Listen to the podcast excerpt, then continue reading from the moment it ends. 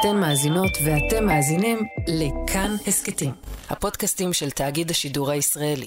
עלינו לעבור לבנייני האומה בירושלים, משם נעביר בשידור ישיר את נאומו של שר ההסברה.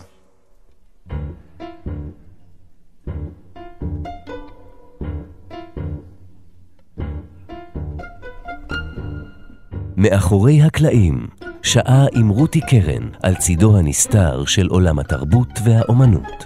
ארץ קטנה, ארץ קטנה, חצי סיכה על מפת העולם, צריכים קולנוע דופק על שולחן, נרגיש את זה כאן, ארץ קטנה עם שפם,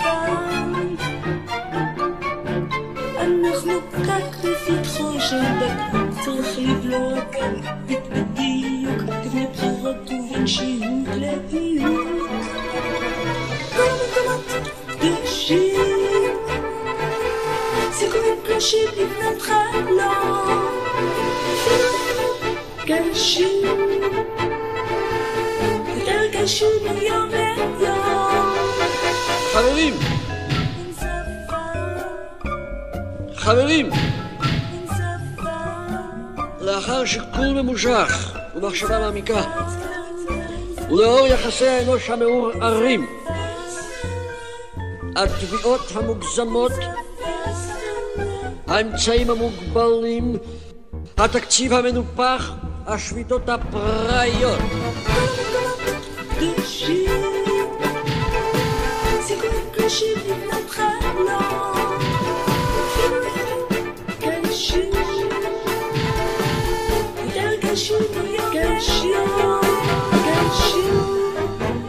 הסנקציות שלוחות הרסן, האמון המעורער והמצב הכללי המחמיר והולך.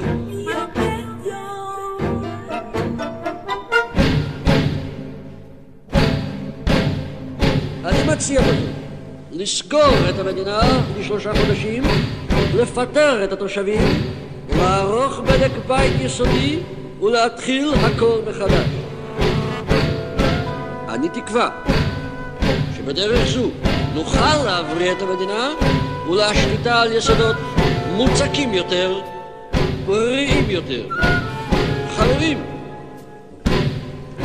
נסגור את המדינה ואני תקווה שנשוב וניפגש לקראת החורף במדינה בעלת יסודות אמיצים יותר, טעימים יותר, בריאים יותר. בתיאבון, כל המקומות קדושים, סיכויים קשים לבנות חלום. המדינה נעולה. המדינה הבאה בנובמבר 1930.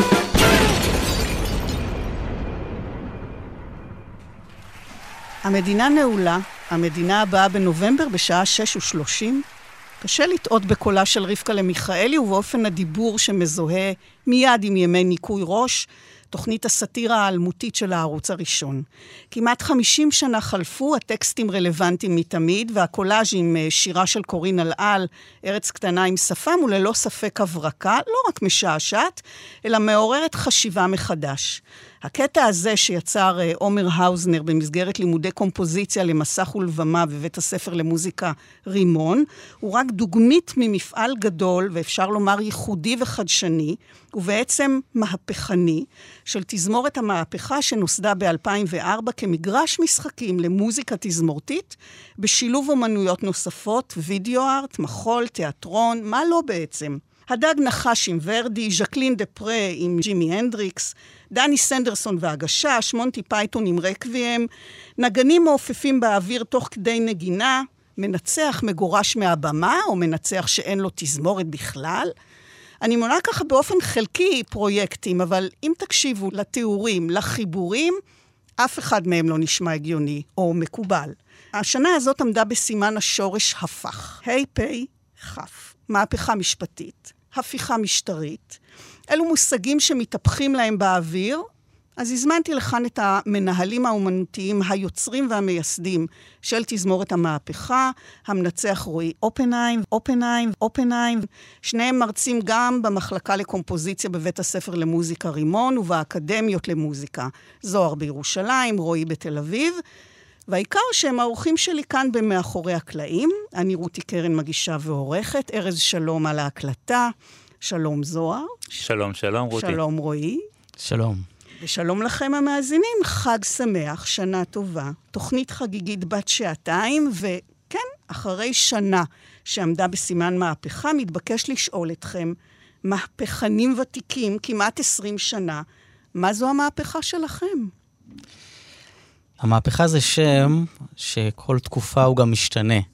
כי בהתחלה חשבו שאנחנו קומוניסטים, זה עוד לא היה במה, במהפכה או ההפיכה המשפטית, אבל אנחנו תמיד uh, מנסים להגיד שזה שם שלתוכו אנחנו יוצקים את התוכן, וששנינו בסופו של דבר יותר אנשי חינוך מאנשי מהפכה, ואנחנו מאמינים בשינויים קטנים בתוך המערכת, ואלה המהפכות הגדולות. אבל אם אני בכל זאת צריך להגיד מהו השינוי, יש שיגידו הרדיקלי או לא, זה שתזמורת נתפסת כגוף ביצוע של קאנון מסוים, ולתזמורת המהפכה אין קאנון. יש תזמורות שמבצעות ברמס, בטהובן, מאלר. תזמורת המהפכה היא אנסמבל יוצר, נקרא לזה להקת מחול מוזיקלית, שכאן יש את שני הכיאוגרפים הראשיים שלה, שמזמינים עוד אנשים ליצור מוזיקה ישראלית מקורית בשילוב אומנויות. כשאין תזמורת במדיום התזמורתי שעושה את זה כמנה עיקרית, כדבר היחידי, אז צריך להתחיל לפרק ולהרכיב, אז צריך לייצר רכבת הרים לקהל, כי אתה לא יכול uh, להתבשם בשמות כמו בטהובן או צ'ייקובסקי, אתה צריך לחשוב כל הזמן על החוויה של הצופה, של המאזין, וכל הדברים הנוספים, זאת אומרת, גן יצירתי, פירוק והרכבה, לחשוב כל הזמן על תיאום הציפיות שהקהל מגיע לאולם, ואיך אנחנו מפרקים אותם, את הציפיות שאיתם הוא מגיע רגע לפני שאנחנו מנגנים את הצליל הראשון, או אפילו לפני שאנחנו מנגנים את הצליל הראשון, על מנת שיחשוב על חוויית ההאזנה שלו, על מנת שיחשוב למה הוא שם, ואולי שיצא גם עם שאלות. אני חושב שהרבה פעמים המילה שמתחברת למילה תזמורת היא המילה קונצרט, והחוויה אצלנו היא לא חוויה של קונצרט, היא חוויה של מופע, ואני חושב שהמשמעות של מופע זה שבעצם כל רגע, מהרגע שהקהל אפילו נכנס לאולם, עד לרגע שהוא יוצא מהאולם, אצלנו מתוסרט באיזשהו אופן. אפילו הודעת הכריזה היא אירוע מטופל אצלנו בתוך המופעים, והרבה פעמים אנחנו שואלים את עצמנו מה הכוח שמניע אותנו בבחירה, כל בחירה אומנותית שאנחנו עושים לאורך המופע, וזה בעצם לשחק עם הציפיות של הקהל. אז אני אומר, הקהל בתור אותך הגיע לקונצרט, הוא לא יקבל קונצרט, הוא יקבל מופע שמגרה לו את כל החושים. וגם כשהוא יודע שהוא מגיע למופע שלכם, הוא עדיין צריך להיות מופתע. לגמרי, אנחנו הרבה פעמים אומרים שאנחנו רוצים שאנשים יבואו לא כי הם יודעים מה הם יקבלו, אלא כי הם סקרנים לדבר שהם לא יודעים שנפתיע. הם מבינים ש, כן. שהאירוע הוא אירוע שיהיו בו הפתעות. אז גם אם הם מגיעים למופע שמתעסק בגרשווין, אומרים גרשווין, האומן הזה נמצא בזירה התרבותית כבר יותר ממאה שנים, אנחנו יודעים מי זה גרשווין, אנחנו יודעים מה אפשר לעשות איתו, אנחנו נחפש את הדרך איך להפתיע אותם לאורך הקונצרט הזה, איך לפרק, להרכיב מחדש את המושג הזה שנקרא גרשווין, את המנגינות המוכרות. אגב, הציפיות של הקהל וההפתעה, אני ככה מהרהרת uh, בקול רם, הפסנתרן אנדרס שיף, שהיה פה לפני כמה חודשים, וקרא לזה קונצרט הפתעה. כלומר, הוא לא הודיע מה יהיה הרפרטואר שהוא הולך לנגן. והיה הרבה כעס, כלומר, אנשים uh, כן רצו לדעת. ואני זוכרת שדיברו איתו על זה, והוא אמר, מה אני כבר יכול? אני הרי לא אנגן רחמנינוב, אני לא אנגן ליסט. הרי יודעים שאני מנגן באך ושומן ובארטוק אולי, ככה קצת כדי להתפרע, אבל uh, הקהל לא אהב את, ה... את זה שהוא יגיע בזכות זה שזה אנטרס שיף, ולא משנה מה הוא ינגן, הוא יקבל חוויה. כן, אני חושב שאם אנחנו חושבים רגע על התרבות המודרנית מאז שהתפתחו אמצעי הקלטה, זה בעצם דבר די צעיר בעולם התרבות, שבו אנשים באים ושומעים את הדבר המוכר. במשך מאות שנים, מי שהלך לכנסייה שמע מיסה חדשה של באך כל שבוע, או קנטטה חדשה שהוא לא הכיר. היה לו את הטקסט אולי להיאחז בו. מי שאחר כך הגיע לאולמות הקונצרטים שמע את הקונצ'רטו ש... ערב לפני מוצרט סיים להלחין. זה היה מה שמקובל, זאת אומרת, אז אנחנו רוצים תרבות חיה, והסיבה המרכזית, דרך אגב, זה לא רק מה שאנחנו רוצים לתת לקהל, זה פשוט מה שמדליק אותנו ברמה האישית, אנחנו, זה הדבר שמחיה אותנו, זה הדבר שנותן לנו כוח להמשיך, אל מול אתגרים לא קטנים שאנחנו מתמודדים איתם לאורך הדרך. אז הפרויקטים שלכם מאוד מגוונים, ובכל פעם מאתגרים באמת את הצופה, מאזין באופן אחר, בהתייחס כמובן לנקודת המוצא המקובלת של איך מתנהלים קונצרטים ומופעים, גם של מחול, גם של תיאטרון, גם של אופרה, גם הופעות אה, פופ ורוק אגב, ואתם מצליחים לערער את מה שכמעט הפך לאקסיומה, להפוך את הכל, ואחד האמצעים המרכזיים שאתם בוחרים לצרף למוזיקה הוא מדיום ויזואלי, וידאו ארט. מדוע לא באוזניים? למה להסב את תשומת הלב למסך? מה מרוויחה המוזיקה בעצם? הקולנוע בהרבה מובנים ניצח את כל שאר האומנויות, אולי זו האומנות הכוללת. ואחת הטענות שאנחנו נשים על השולחן זה שאנחנו שומעים עם העיניים. והאתגר שלנו, לא תמיד מצליחים בו, זה איך אה, לקחת את העיניים בשביל לייצר רגישות לאוזניים. מהלך הפוך. נכון, וזה מאוד קשה, כי בדרך כלל המוזיקה אוהבת להפוך להיות תפאורה זמנית. פסקול כן. של סרט, פסקול של הצגה. וגם הוויזואליה תמיד תיקח את תשומת הלב. נכון, אז השאלה היא איך הופכים את הוויזואליה לעוד חלק בתזמורת, לעוד כלי נגינה, mm-hmm. שמאפשר לנו אפשרויות חדשות בקומפוזיציה, אפשרויות חדשות מבחינת תוכן, וגם מבחינת שאלת שאלות.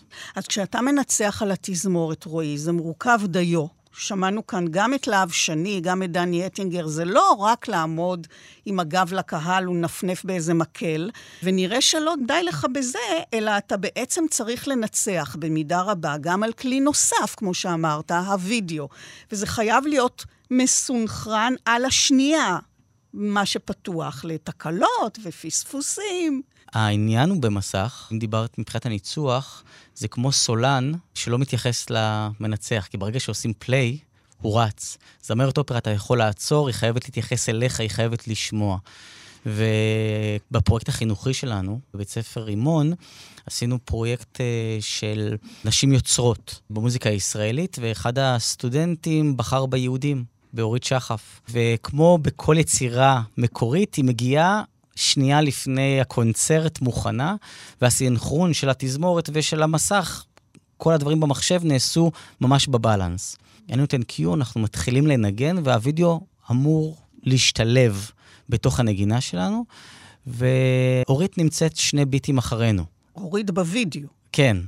זאת אומרת, כאילו הסולנית שלך שרה בשני ביטים מאוחר ממה שהיא צריכה להיות. עכשיו, אתה לא יכול לעצור אותה, אתה לא יכול לעשות לה שום סימנים עם הפנים.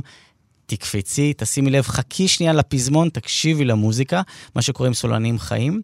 תכלס, ו... אתה לא יכול לנצח על הוידאו. נכון, אבל אני כן יכול לנצח על השלושים נגנים על הבמה, שהם מוזיקאים מצוינים, ולהקפיץ אותם את השתי תיבות האלה, זה... זה ג'אנגלריות. לחלוטין. קצת. זה מלחיץ מאוד. ראיתי את זה קורה בקונצ'רטי של אה, רחמנינוב, לפעמים אה, למדתי מהטובים יותר מאשר פיש עם הפילהרמונית, כשהסולן מפספס אה, נכון. איזה שתי תיבות. בדרך כלל הסולן יודע להתחבר לתזמורת. Aha. פה התזמורת צריכה להיות הרבה יותר גמישה, כי הסולן לא בהכרח מקשיב. למאזינים שלנו, שמרביתם כנראה לא מוזיקאים, נגלה עוד סוד מאחורי הקלעים. בעצם חלק מהתהליך הזה של יצירת המופעים שמשלבים וידאו, היא שהמלחין, המעבד, עורך בעצם איזשהו ערוץ כמו של מטרונום שמקיש לנו באוזניים, הנגנים ולמנצח. וגורם לזה שהמוזיקה והווידאו יהיו מסונכרנים זה עם זה. עכשיו, כשהטייס האוטומטי עובד, הכל סבבה, אבל כשמשהו נדפק בטייס האוטומטי, סליחה על הביטוי, המנצח צריך לקחת החלטות איך להתמודד עם הדבר הזה עכשיו. יותר מזה, המנצח צריך בחזרות שבהם רוב הזמן לא עובדים עם ה... הדבר הזה שנמצא באוזניים, לנסות ולממש את כל החזון האומנותי שלו ולהעביר את כל הרעיונות שקשורים בטמפו.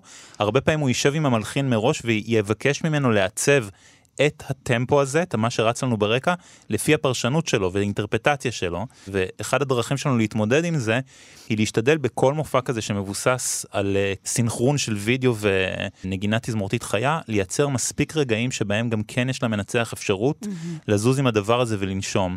וגם הנגנים עצמם לקח זמן, זה נגנים שהולכים איתנו דרך ארוכה, להרגיל אותם לסוג הזה של הנגינה.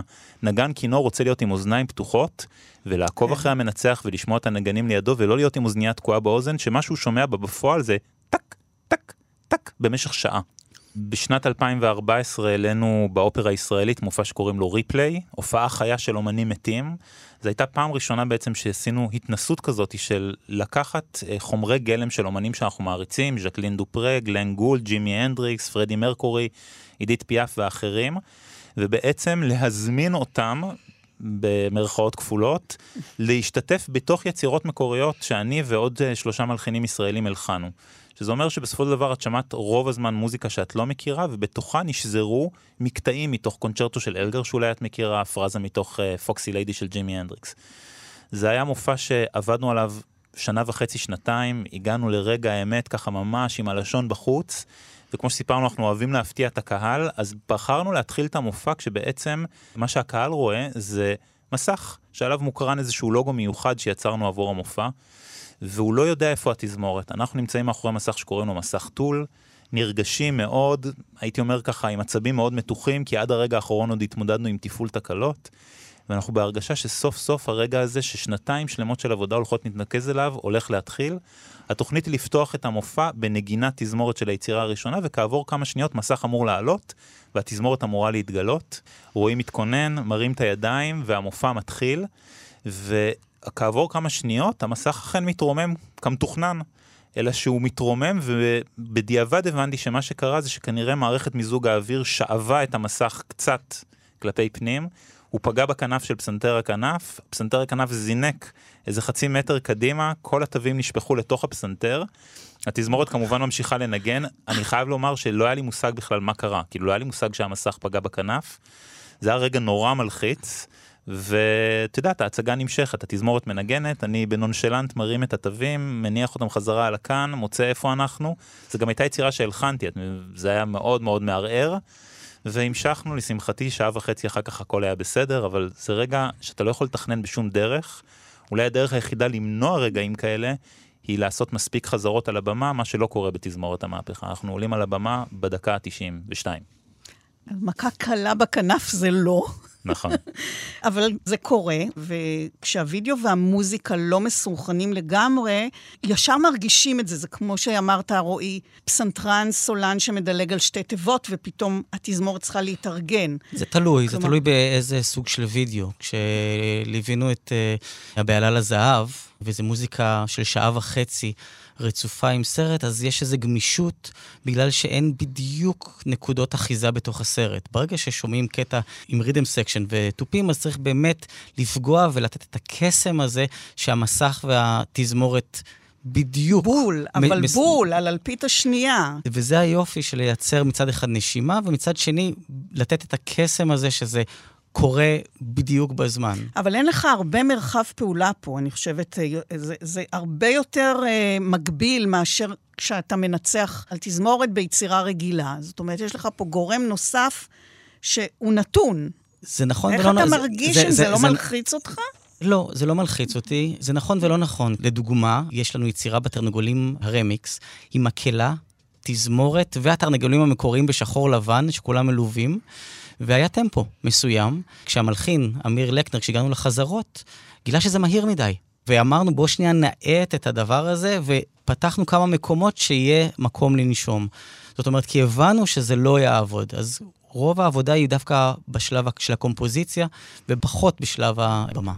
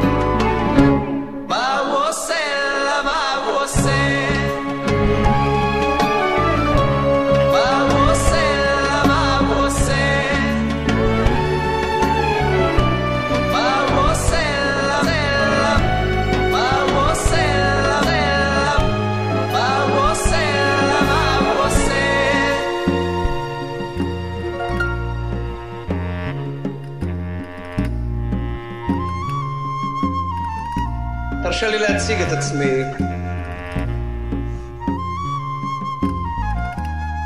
קוראים לי ברברה.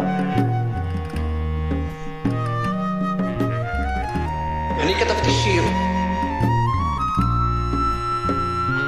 אתה מוכרח לשמוע אותו. יש לי שתי רכבות שדוהרות בתוך עיניי.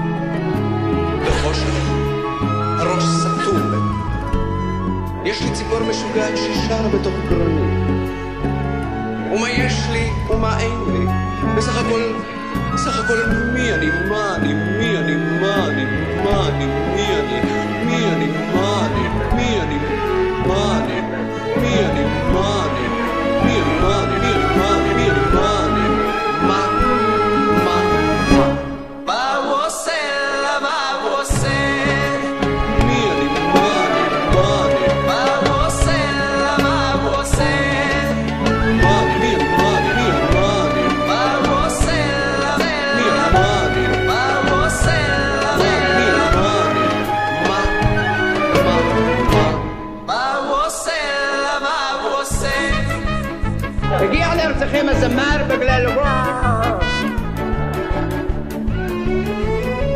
הגיע הזמר בגלל רוע.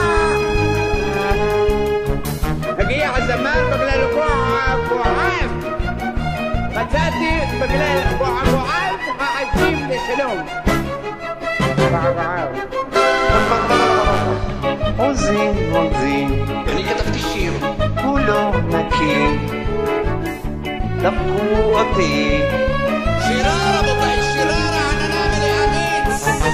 הרב סמל, הפלוגתי, שלוש שירות, הכניס אותי.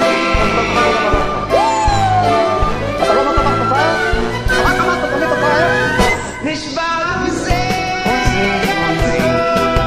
ברגע שנשכח, אני כתבתי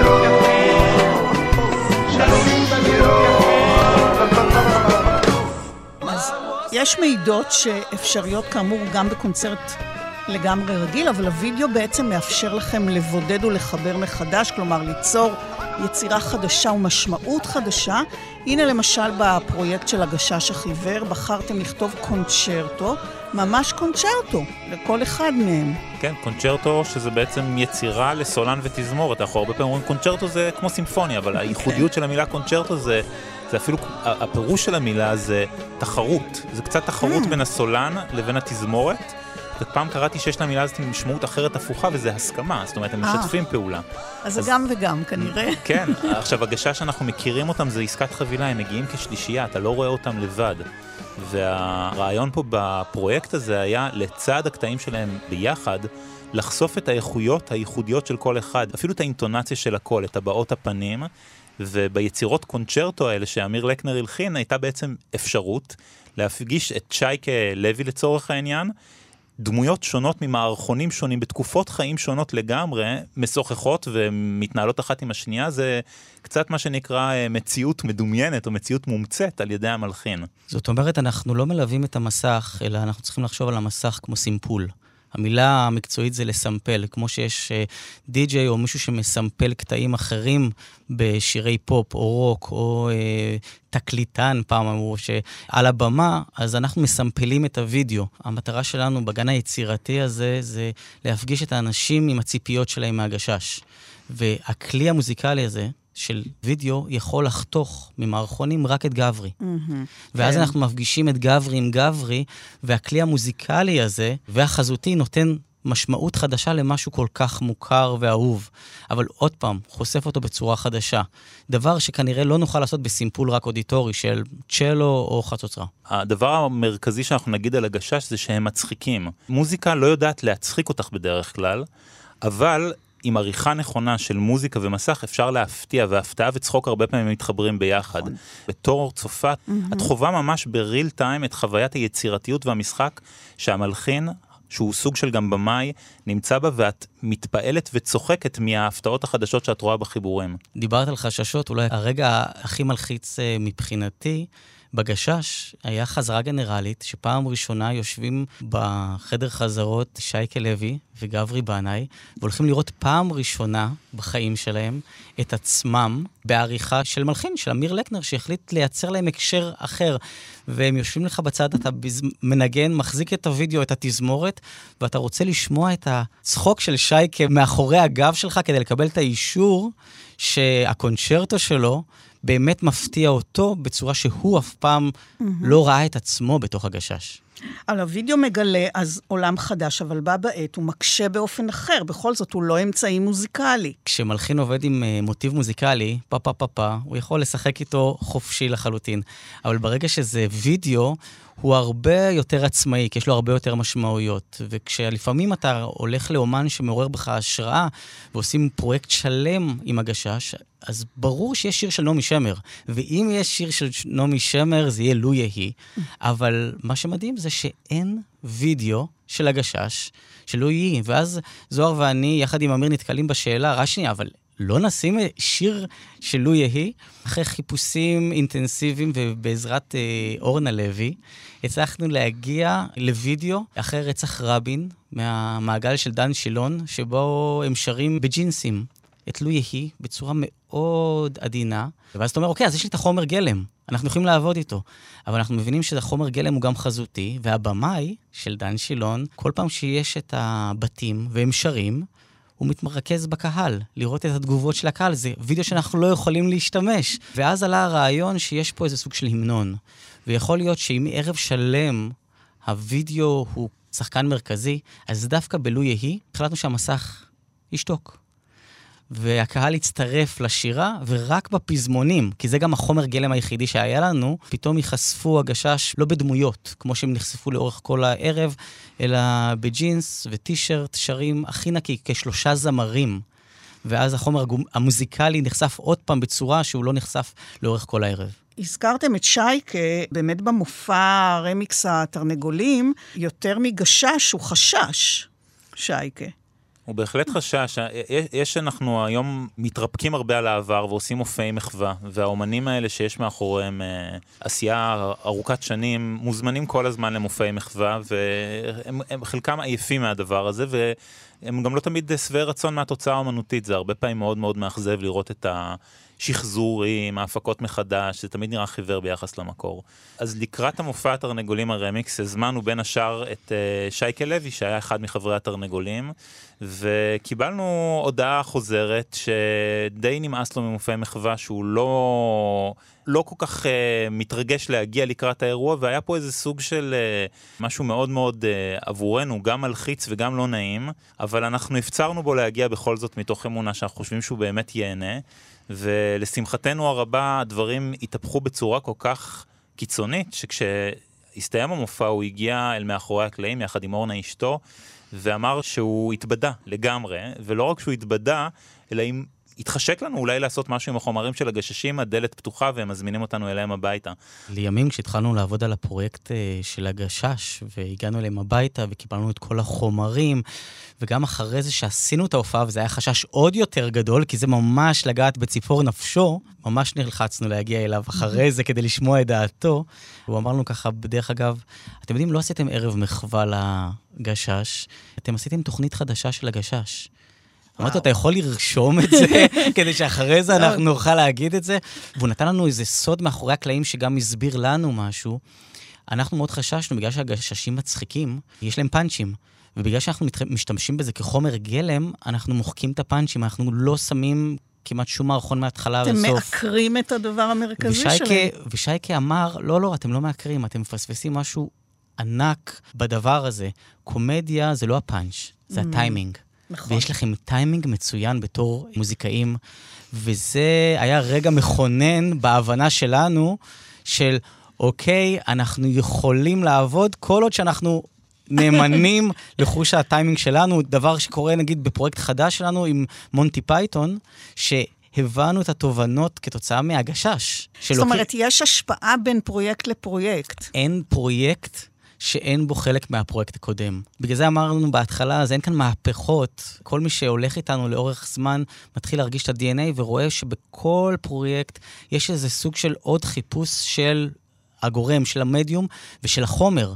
כי ראינו שחומר של גשש לא עובד כמו חומר של יוסי בנאי, וגם בכלל לא עובד כמו חומר של התרנגולים. וזה מביא אותנו לאזורי חיפוש אחרים ולשאלות מעניינות אחרות. אז אולי כדי לעמוד על תהליך היצירה הייחודי הזה, או על ראשיתו לפחות, וזה הולך כמובן ומתפתח, ומשתגע כל הזמן. אחד הפרויקטים הראשונים באמת היה התרנגולים אה, הרמיקס, שהלחן ואיבד אמיר לקנר מיודענו, שגם הוא התארח כאן בתוכנית, סיפר על העיבודים לשירים המוכרים ששרים חברי זהו, זה שזה גם סוג של לבוש חדש למשהו מוכר. אבל כאן אתם הולכים יותר רחוק ויותר פרוע. בעצם החיבור שאתם מוצאים בין שני שירים מתחיל דווקא מהטקסט, הוא האמצעי המוביל. דיברנו עכשיו הרבה על וידאו. וידאו זה סקציה. בתוך התזמורת, ואפשר לנגן גם בלי המיתרים או בלי כלי הקשה, ואפשר גם בלי הוידאו. ויש לנו עוד חומרים, ויש לנו את החומרים של הטקסט. ואנחנו לא נתקדם בגלל שנגלה דברים חדשים, אלא בגלל שנארגן באופן חדש את הדברים המוכרים. כדי ליצור אפשרויות חדשות ולא להתרפק רק על נוסטלגיה, אלא כדי עוד פעם להריח את האומנותיות שלפעמים נשכחה בגלל שאנחנו כבר מכירים את החומרים האלה. וכשאתה שומע את השיר אליפלת, אתה מתחיל לבכות. כשאתה שומע את השיר mm. יוסי, ילד שלי מוצלח, אתה מתחיל לבכות. אבל הקווים המקבילים האלה, שלעולם לא נפגשו, לאמיר היה את הרעיון, רק למה? זה שני ילדים. אליפלת, ילד שלי מוצלח. אה, יכול לעבוד לא פחות כן. כמו האזהרות על יוסי. שני ילדים מסוימים מאוד, האאוטסיידרים. אבל היופי זה שאנחנו שמים את זה ביחד ולא אומרים לאן זה הולך. זאת אומרת, כל אחד מגיע עם השירים האלה עם מטען. זה לא כן. שירים שאתה שומע אותם בפעם הראשונה, אלא זה שירים שהקהל רובו שר כל מילה ומילה. ואם במקום אחד, אחרי שכבר אתה כבר יש לך איזו התניה שאתה יודע שהמילה יוסי תגיע, מגיעה מילה אליפלת, או להפך, כל הטקסט שהיה לפני מקבל הקשר חדש וצבע אחר. זה כמו תבלין קטן כזה שאתה מכניס קורקום, ואז פתאום הכל נצבע בצורה אחרת. ואנחנו רוצים להאמין שאז החזרה שלנו לשירים עוד פעם, לטקסטים האלה עוד פעם, היא אה, אחרת. היא אחרת. כן. לא טובה בהכרח, כן, אבל אחרת, ברור. וזה מה שאנחנו רוצים לעשות כשאנחנו מתעסקים עם חומרים כל כך מוכרים. השדרה לוחשת יוסי, תתשו רוקדות עיניו, מה נחפז ולפניו, פרחת מוני היופי, מבלבל לו את האף, אמא מחכה בבית. ובלילה חבוש קסדת פלד, את ירד המלאך גבריאל, וניגש למרשות אליפלת, ששכב במשלט על התל. הוא אמר פחד, אליפלת, על פחד וחיר. במרום לנו יש ממך נחת, אף שאין לך אופי במי. זהו זמר פשוט גם תמוה, אין ראשית לא בסוף בהבדל. זימרנו בלי דעת מדוע, וכיצד ובשל מה זה, ואיך זימרנו כך סתם זה מוזר. כי דבר מה התרונן כה ושר. בלי מדוע ובלי כיצד,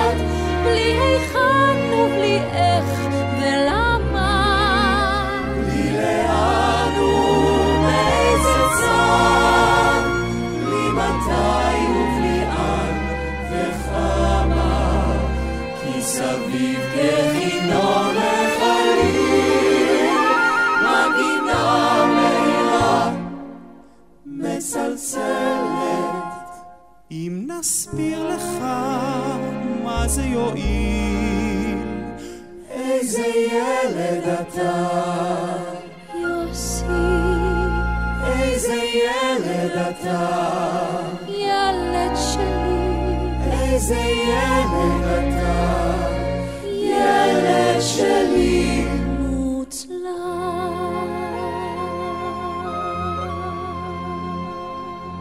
ואז אתם שולפים כמו חוט מרכיב שאולי סימן ההיכר של התרנגולים, מרכיב מרכזי, ובאמצעותו בונים משהו חדש, ובה בעת זה עדיין שומר על הגרעין המקורי. אנחנו הרבה פעמים מסתכלים על האומן שאיתו אנחנו עובדים, ואנחנו מנסים לזקק לעצמנו מה ה-DNA של ההרכב הזה.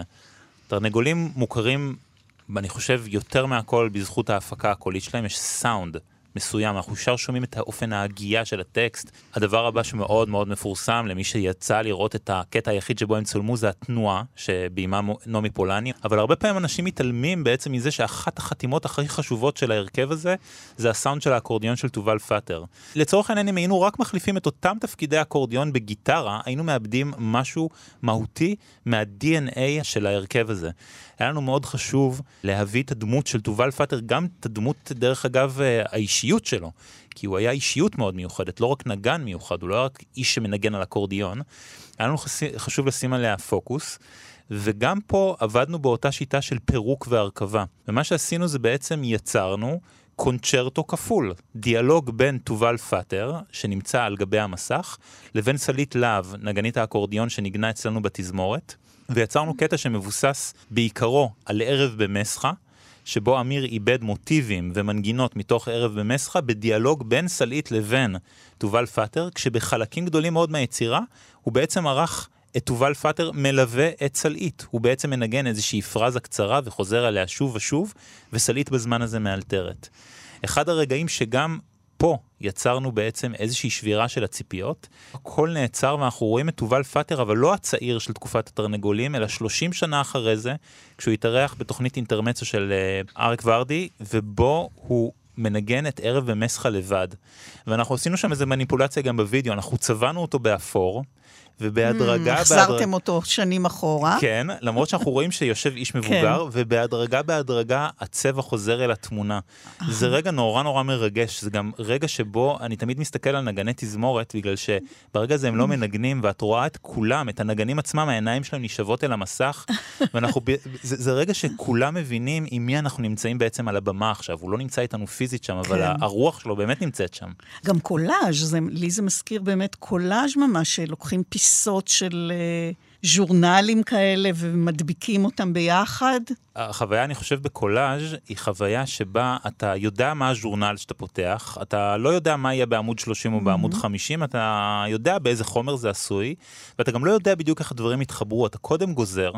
מניח לעצמך חומרי גלם, ואז אתה מתחיל לארגן, ובהדרג... את הפאזל הזה, את כן. הפאזל, את כן. הפאזל הלא מתאים הזה. בדיוק, הפאזל כמה חלק... שהוא יותר לא מתאים, זה יותר יפה. בדיוק, אתה צריך להכניס היגיון בשיגעון, ואחד הדברים שקורים גם לנגנים וגם להרבה מאוד אנשים שמגיעים להופעות שלנו, זה שבעצם אנחנו חושפים בפניהם גיבורי תרבות שלא תמיד הם באמת מכירים אותם. אפילו כשמישהו אומר, אני מכיר את יוסי בנאי, אנחנו הרבה פעמים חושפים בפניו משהו על יוסי בנאי שהוא לא הכיר. אבל במופע הזה של התרנגולים, נוסף על התזמורת, ישנם זמרים וזמרות שגם משחקים ומקהלת ילדות, ואין חזרות. כלומר, אתה, רועי, צריך לנצח על מקהלה שאתה לא רואה עד ההופעה למעשה, איך זה לא, אפשרי? לא, לא, לא בדיוק, לא בדיוק. יש חזרות, אבל אין לנו חזרות על הבמה. ואנחנו מקבלים את הבמה ביום המופע, וספציפית, היה רעיון בימויי בתרנגולים שהמקהלה תהיה מאחורי טול. כי הם שרו את השיר השמלה הסגולה של uh, סשה ארגוב. סשה. הבוקר יבוא, ורצינו שברגע שהם יגידו את הבוקר, ידלק עליהם אור. הרעיון היה, בואו נכניס אותם בחושך, כדי שהקהל לא יראה, כי האפקט החזותי, שוב, לשמוע עם העיניים, ברגע שמקהלה עולה על הבמה ויש לנו 50 בנות, כבר הקהל יודע, חשפנו קלף. הם עלו בחושך, ובגלל התאורה מסוימת, אני לא ראיתי אם הם עלו או לא עלו. אני מנגן קטע מוזיקלי, בלי וידאו, וברגע מסוים אני צריך להרים את הידיים ולקוות שיש 50 בנות בחושך שיתחילו לשיר הבוקר. אה, הן יכולות לעשות לך תרגיל, ובאמת לא לבוא. לא, לא, לא, לא, מדבר, הם, הם, הם צריכות לראות אותי טוב מאוד, ואני אגיד לך, קסם שקרה, שמתרגלים בחזרות, ואני רואה אותם ואני יודע בדיוק לפי הגבות שלהם איך הם ישירו ועם הפה, אתה נושם, אתה לא יודע אם הן נושמות איתך, ואתה מקבל את הצליל עם תאורה, ובגלל שאנחנו מופיעים מאוד צמוד לקהל באופרה, על פית מוגבה, אתה פתאום שומע את הקהל. כי באמת נתת להם את החוויה של הבוקר הגיעה, עם קול אנושי שלא היה על הבמה, והוא נחשף בדיוק ברגע שהוא היה אמור להיות, בדיוק כמו וידאו. והיה לו גם ערך חוץ מוזיקלי, חוץ מהצליל עצמו של המנגינה. השמש זרחה לה פתאום. לגמרי.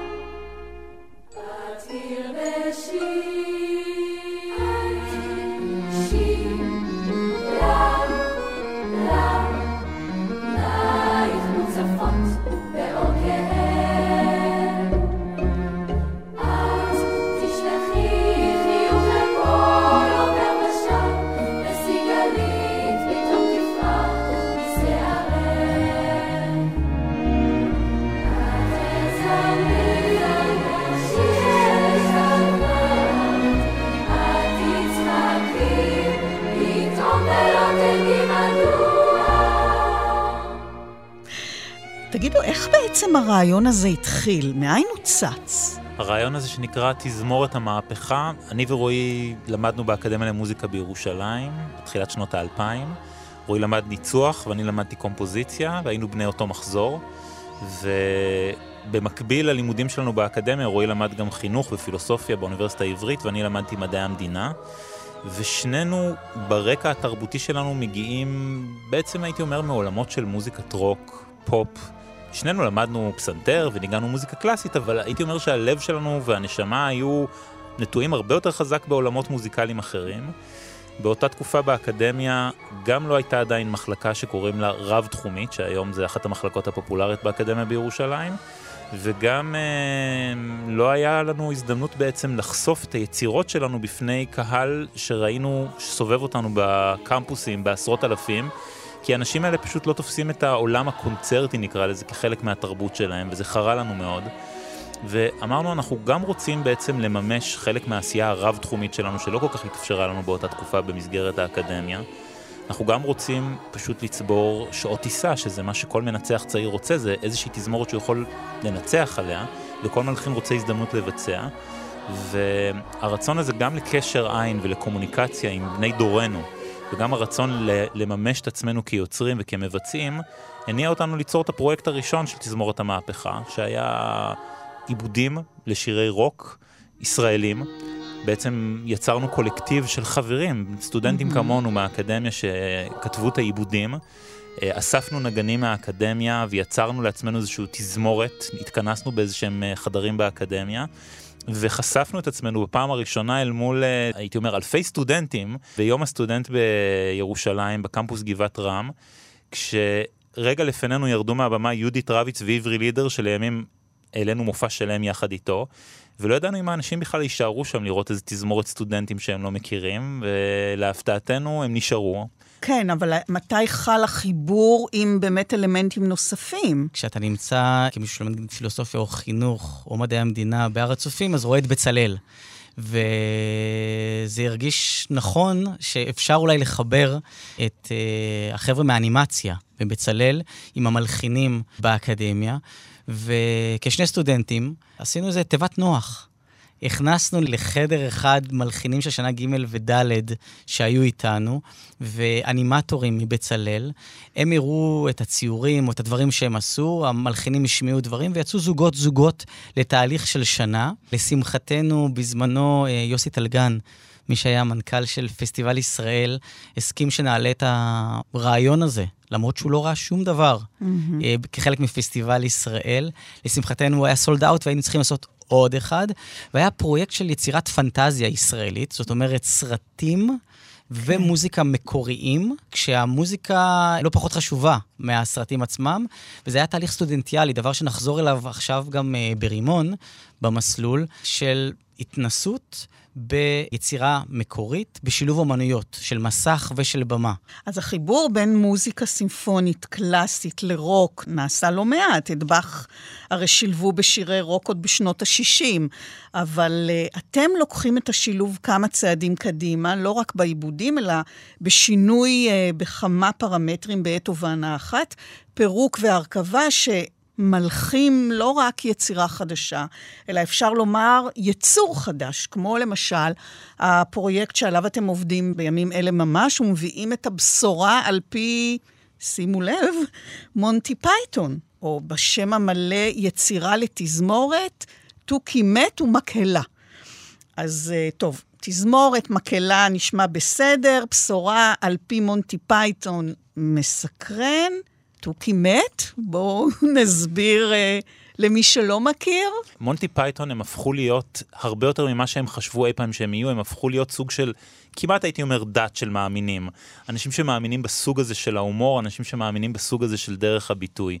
וחלק מלהיות חבר כת זה שיש mm. לך כמה אמונות שאתה לא מוותר עליהן, ויש לך כמה דברים שאתה סוגד להם. ו... למונטי פייתון הצליחו לייצר לאורך השנים מספר מערכונים בתוכנית שלהם, הקרקס המעופף, שזה בעצם תחילת הדרך שלהם ב-BBC, שבה הם יצרו מערכונים שיש בהם אבסורד, נונסנס, אבל הרבה פעמים גם כל מיני uh, אמירות על מי אנחנו כבני אדם, על uh, דמויות דוגמטיות, על חשיבה פנאטית וכל מיני דברים כאלה. ואחד המערכונים המפורסמים הוא מערכון התוכי המת. הדבר הזה הפך להיות כל כך אייקוני, שעכשיו בתהליך היצירה גילינו שמרגרט תאצ'ר פשוט משתמשת במערכון הזה בשביל לכתוש את היריבים הפוליטיים שלה ומצטטת.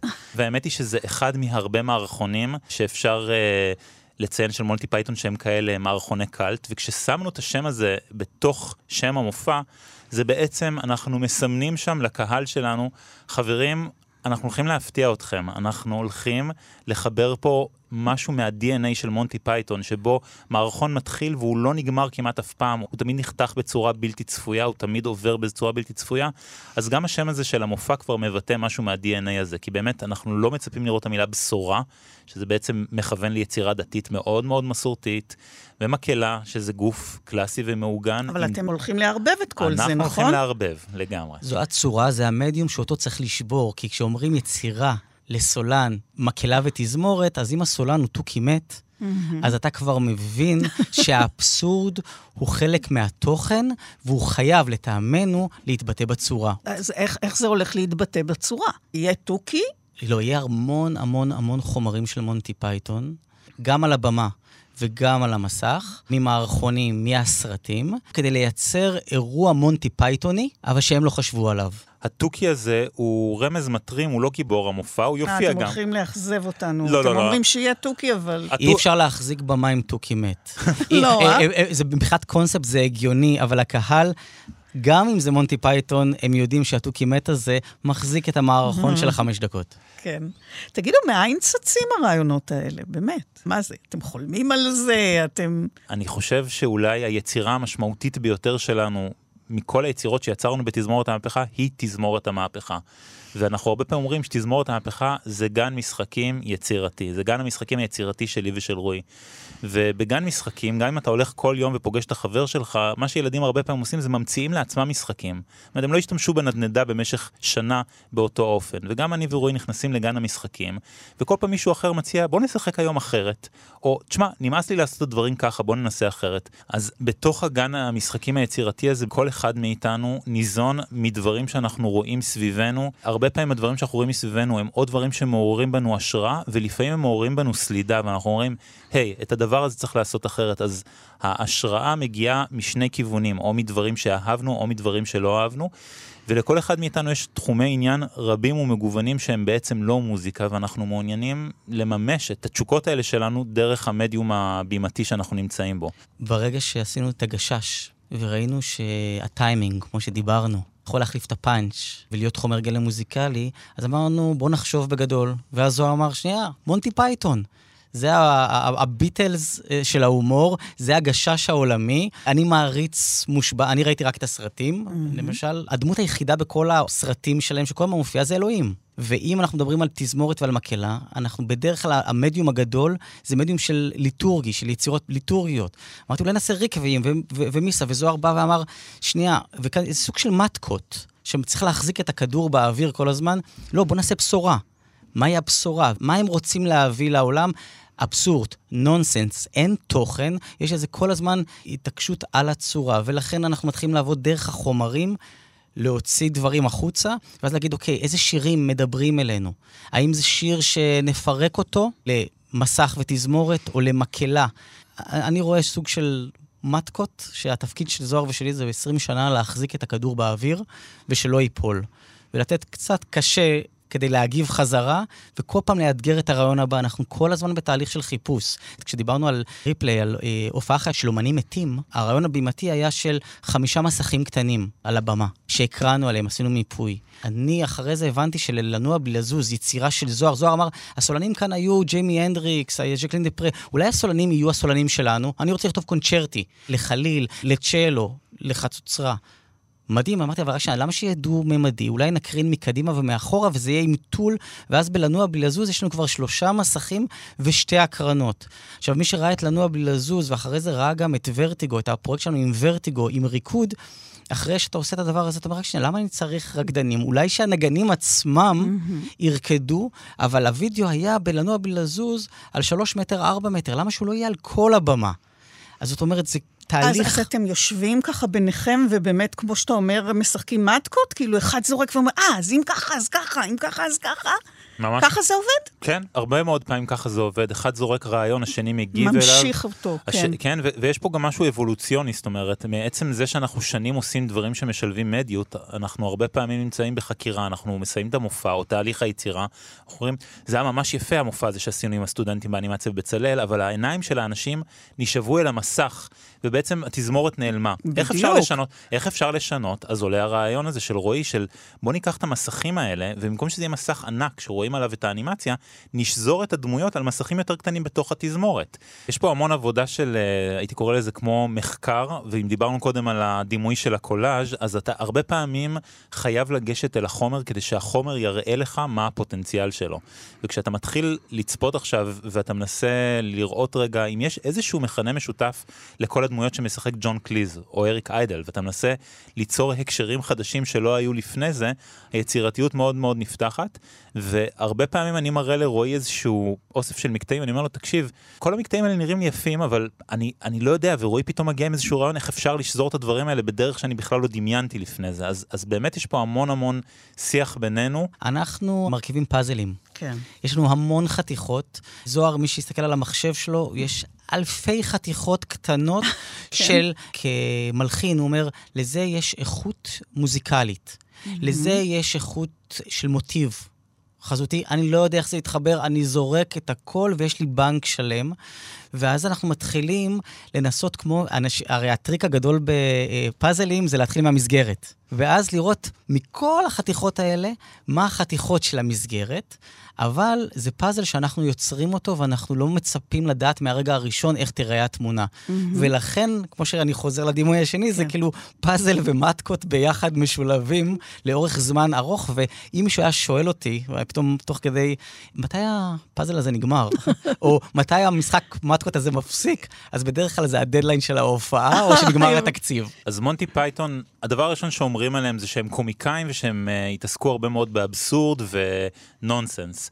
אבל אם מסתכלים על הסרטים הגדולים שלהם, על בריאן כוכב עליון ועל הגביע הקדוש, הם בעצם הלכו לאפוסים מאוד גדולים, נגיד הסיפור של המלך ארתור, או לצורך העניין uh, ישו. והתעסקו עם ממסד או עם uh, דמויות אייקוניות כאלה, בשביל להגיד בעצם משהו אולי עלינו כעל חברה. הם לא יצאו כנגד הממסד של הקתוליות או הכנסייה, זה לא היה העניין, אלא באופן כללי על חשיבה של בני אדם שהיא חשיבה דוגמטית, או אנשים שהולכים בצורה עדרית אחרי איזשהו מנהיג. ומה שקורה בבריאן כוכב עליון, למי שלא מכיר, זה בעצם שמסתובב שם אחד מפשוטי העם שקוראים לו בריאן, והמון מנסה להמליך אותו עליהם כמשיח. ואחת הסצנות המפורסמות ביותר בסרט הזה זה בעצם רגע שבריאן יוצא מהמרפסת, פותח ומגלה שכל ההמון עומד שם וסוגד ומחכה שהוא יפתח. ובריאן אומר להם, חברים, אני לא המשיח, אתם צריכים לחשוב עבור עצמכם. והאבסורד זה שההמון עונה לו בצורה עדרית, כולם ביחד אומרים, yes, we are all individuals. ו... שזה פרדוקסלי בעצם. לגמרי פרדוקסלי, ויש שם סדרה של חילופי דברים, הוא אומר, אתם צריכים לחשוב בשביל עצמכם, ואומרים לו, yes, we must think for ourselves. והרגע הזה הוא רגע כמובן קומי אדיר, אבל הוא גם רגע שאומר משהו מטורף עלינו כעל חברה, כי אנחנו רואים את דפוסי ההתנהגות האלה אצל בני אדם שוב ושוב. וכמובן שיש פה פוטנציאל אדיר כשכותבים יצירה לתזמורת ומקהלה, כשמה שאנחנו עושים זה מקהלה היא נתפסת כסוג של עדר. יש מנצח, הוא מורה להם מה לעשות והם בתיאום ביחד שרים עכשיו איזה משהו. ומה שעשינו זה בעצם לקחנו טקסטים שמופיעים במקור בתוך הסרט, ערכנו אותם מחדש, ואני מלחין יצירה חדשה למקהלה, כשברגע מסוים בתוך היצירה המקהלתית, הדמות הזאת של בריין מתגלה על המסך, וכל אותה אינטראקציה שבמקור קרתה בין הדמות של בריין לבין ההמון בסרט, קורית בין המקהלה שנמצאת על הבמה, לבין בריין על המסך, שזה דבר uh, מאוד מאוד ייחודי. אני חושב שזה, אני מקווה שזה יפתיע אפילו את הפייתונים עצמם כשהם יראו את הדבר הזה. והיצירה מסתיימת בזה שבריין כבר לא נמצא יותר על המסך והמקהלה פשוט שרה בצורה פנאטית עד סוף היצירה We are all individuals וזה כוח אדיר שמוזיקה יכולה לעשות כי באמת היא חושפת כמו שדיברנו כבר קודם איזושהי משמעות עמוקה שנמצאת בטקסט שבסרט קומי עשויה לא להיות כל כך כל כך דרמטית. לפעמים אנחנו לא שמים לב לזה של אה, מקהלה, אין אינדיבידואלים. הם שרים תמיד ביחד, הם צריכים להיות כולם ביחד. הם ו... צריכים להיות כל קהל, אחד הם בעצם. הם צריכים להיות קהל, והרעיון הוא משהו בעברית, במקהלה, שאנחנו תמיד מתייחסים כן. לזה משהו יפה, הוא גם יכול להיות מאוד פשיסטי. ואם זה מתחיל מאוד יפה והופך לפשיסטי, אתה יוצר דרך... הפשיסטי הוא הרבה פעמים מאוד יפה. הוא מאוד עוצמתי. כן, מאוד. אה, ולכן, דרך המפתח של מערכון בתוך סרט, אנחנו לוקחים אותו לתוך יחס של מסך ובמה. וקצת מראים איזה מראה לקהל. Mm-hmm. You are all individuals, עם סימן שאלה. אנחנו קראנו לזה הבשורה, כי אנחנו מתכתבים עם מדיום דתי, עם יצירות כמו רקוויאם או מיסה, או הפסיונים של באך הגדולים. ובמופע הזה אנחנו הולכים לשזור את אחד הקטעים הכי מפורסמים מתוך הרקבים של ורדי, פרק הדיאס אירה, שהמשמעות למי שלא מכיר זה יום הדין.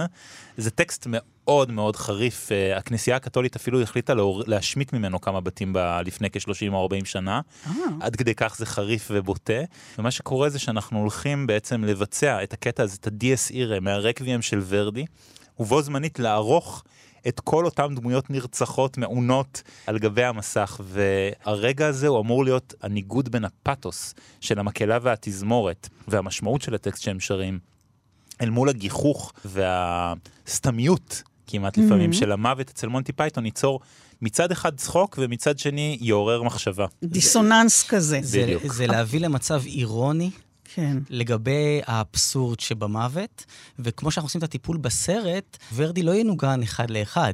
כל הרעיון של זוהר כשהוא אמר, יש איכויות ב Dies Irae של ורדי, כן. של רוק כבד.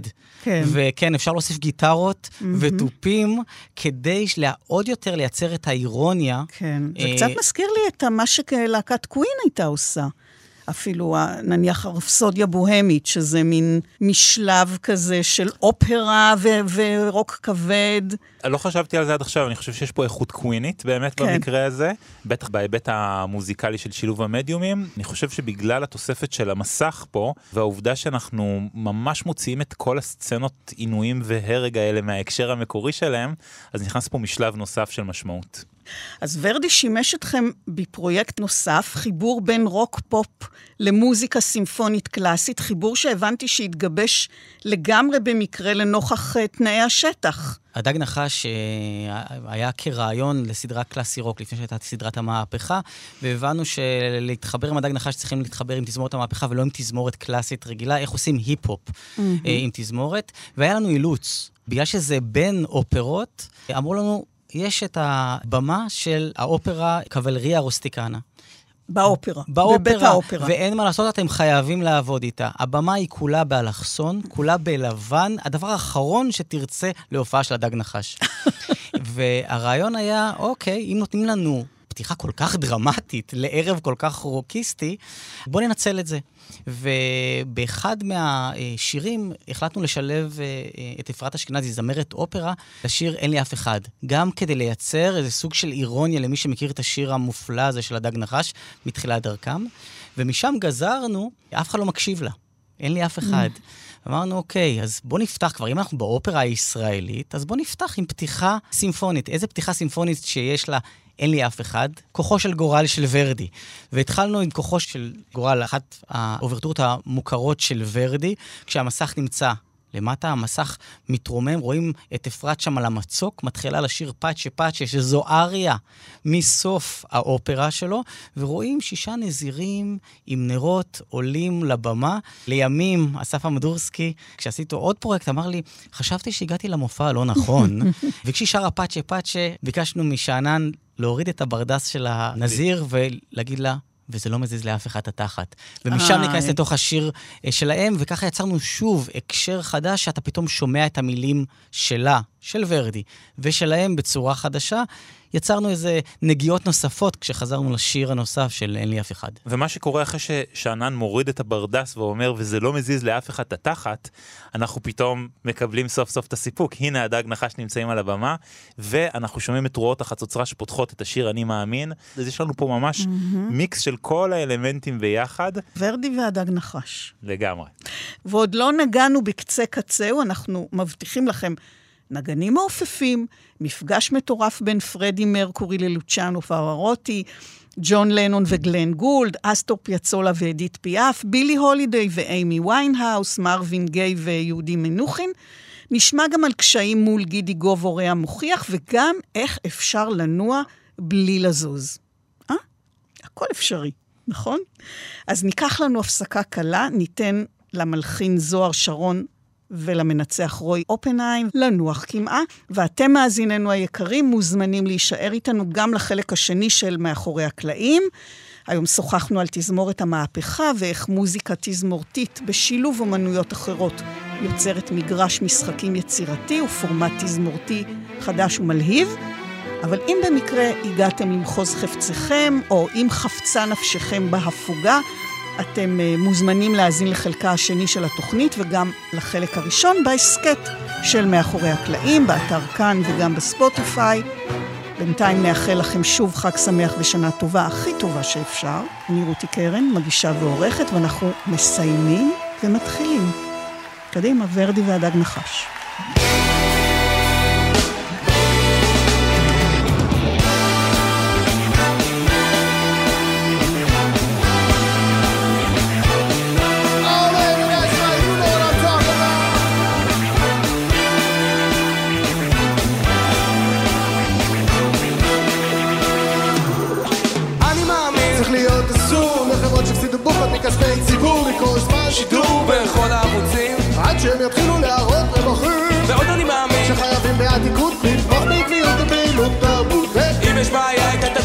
תנו לי את הכסף אני אנווט הזה. מוס ערכים מלא תובנות אוסף את עצמו מתחיל לעשות. הקים עמותות משתתף בהפגנות מגייס את המשאבים לדבר את הפעילות מתראיין. ומסביר צריך ומה כדאי. לעשות אחרת. כמה וכל נמצא ממש סביב הפינה וכמה קיים רק כדי לשנות את התמונה אבל זה לא מזיז לאף אחד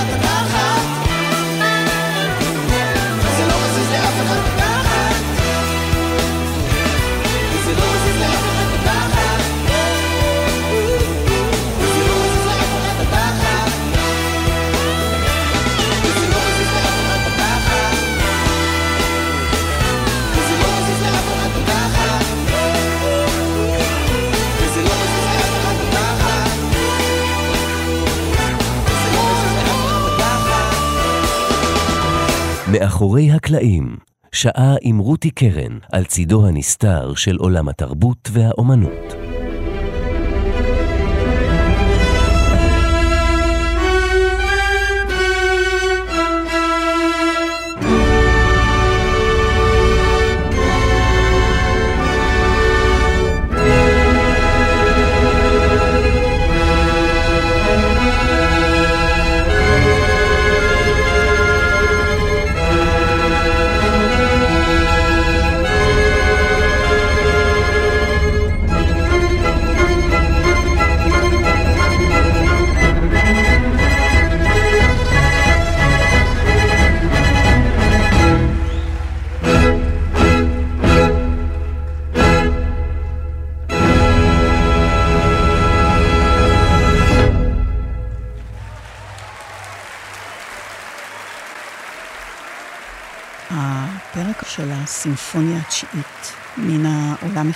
של ווז'ק הסתיים.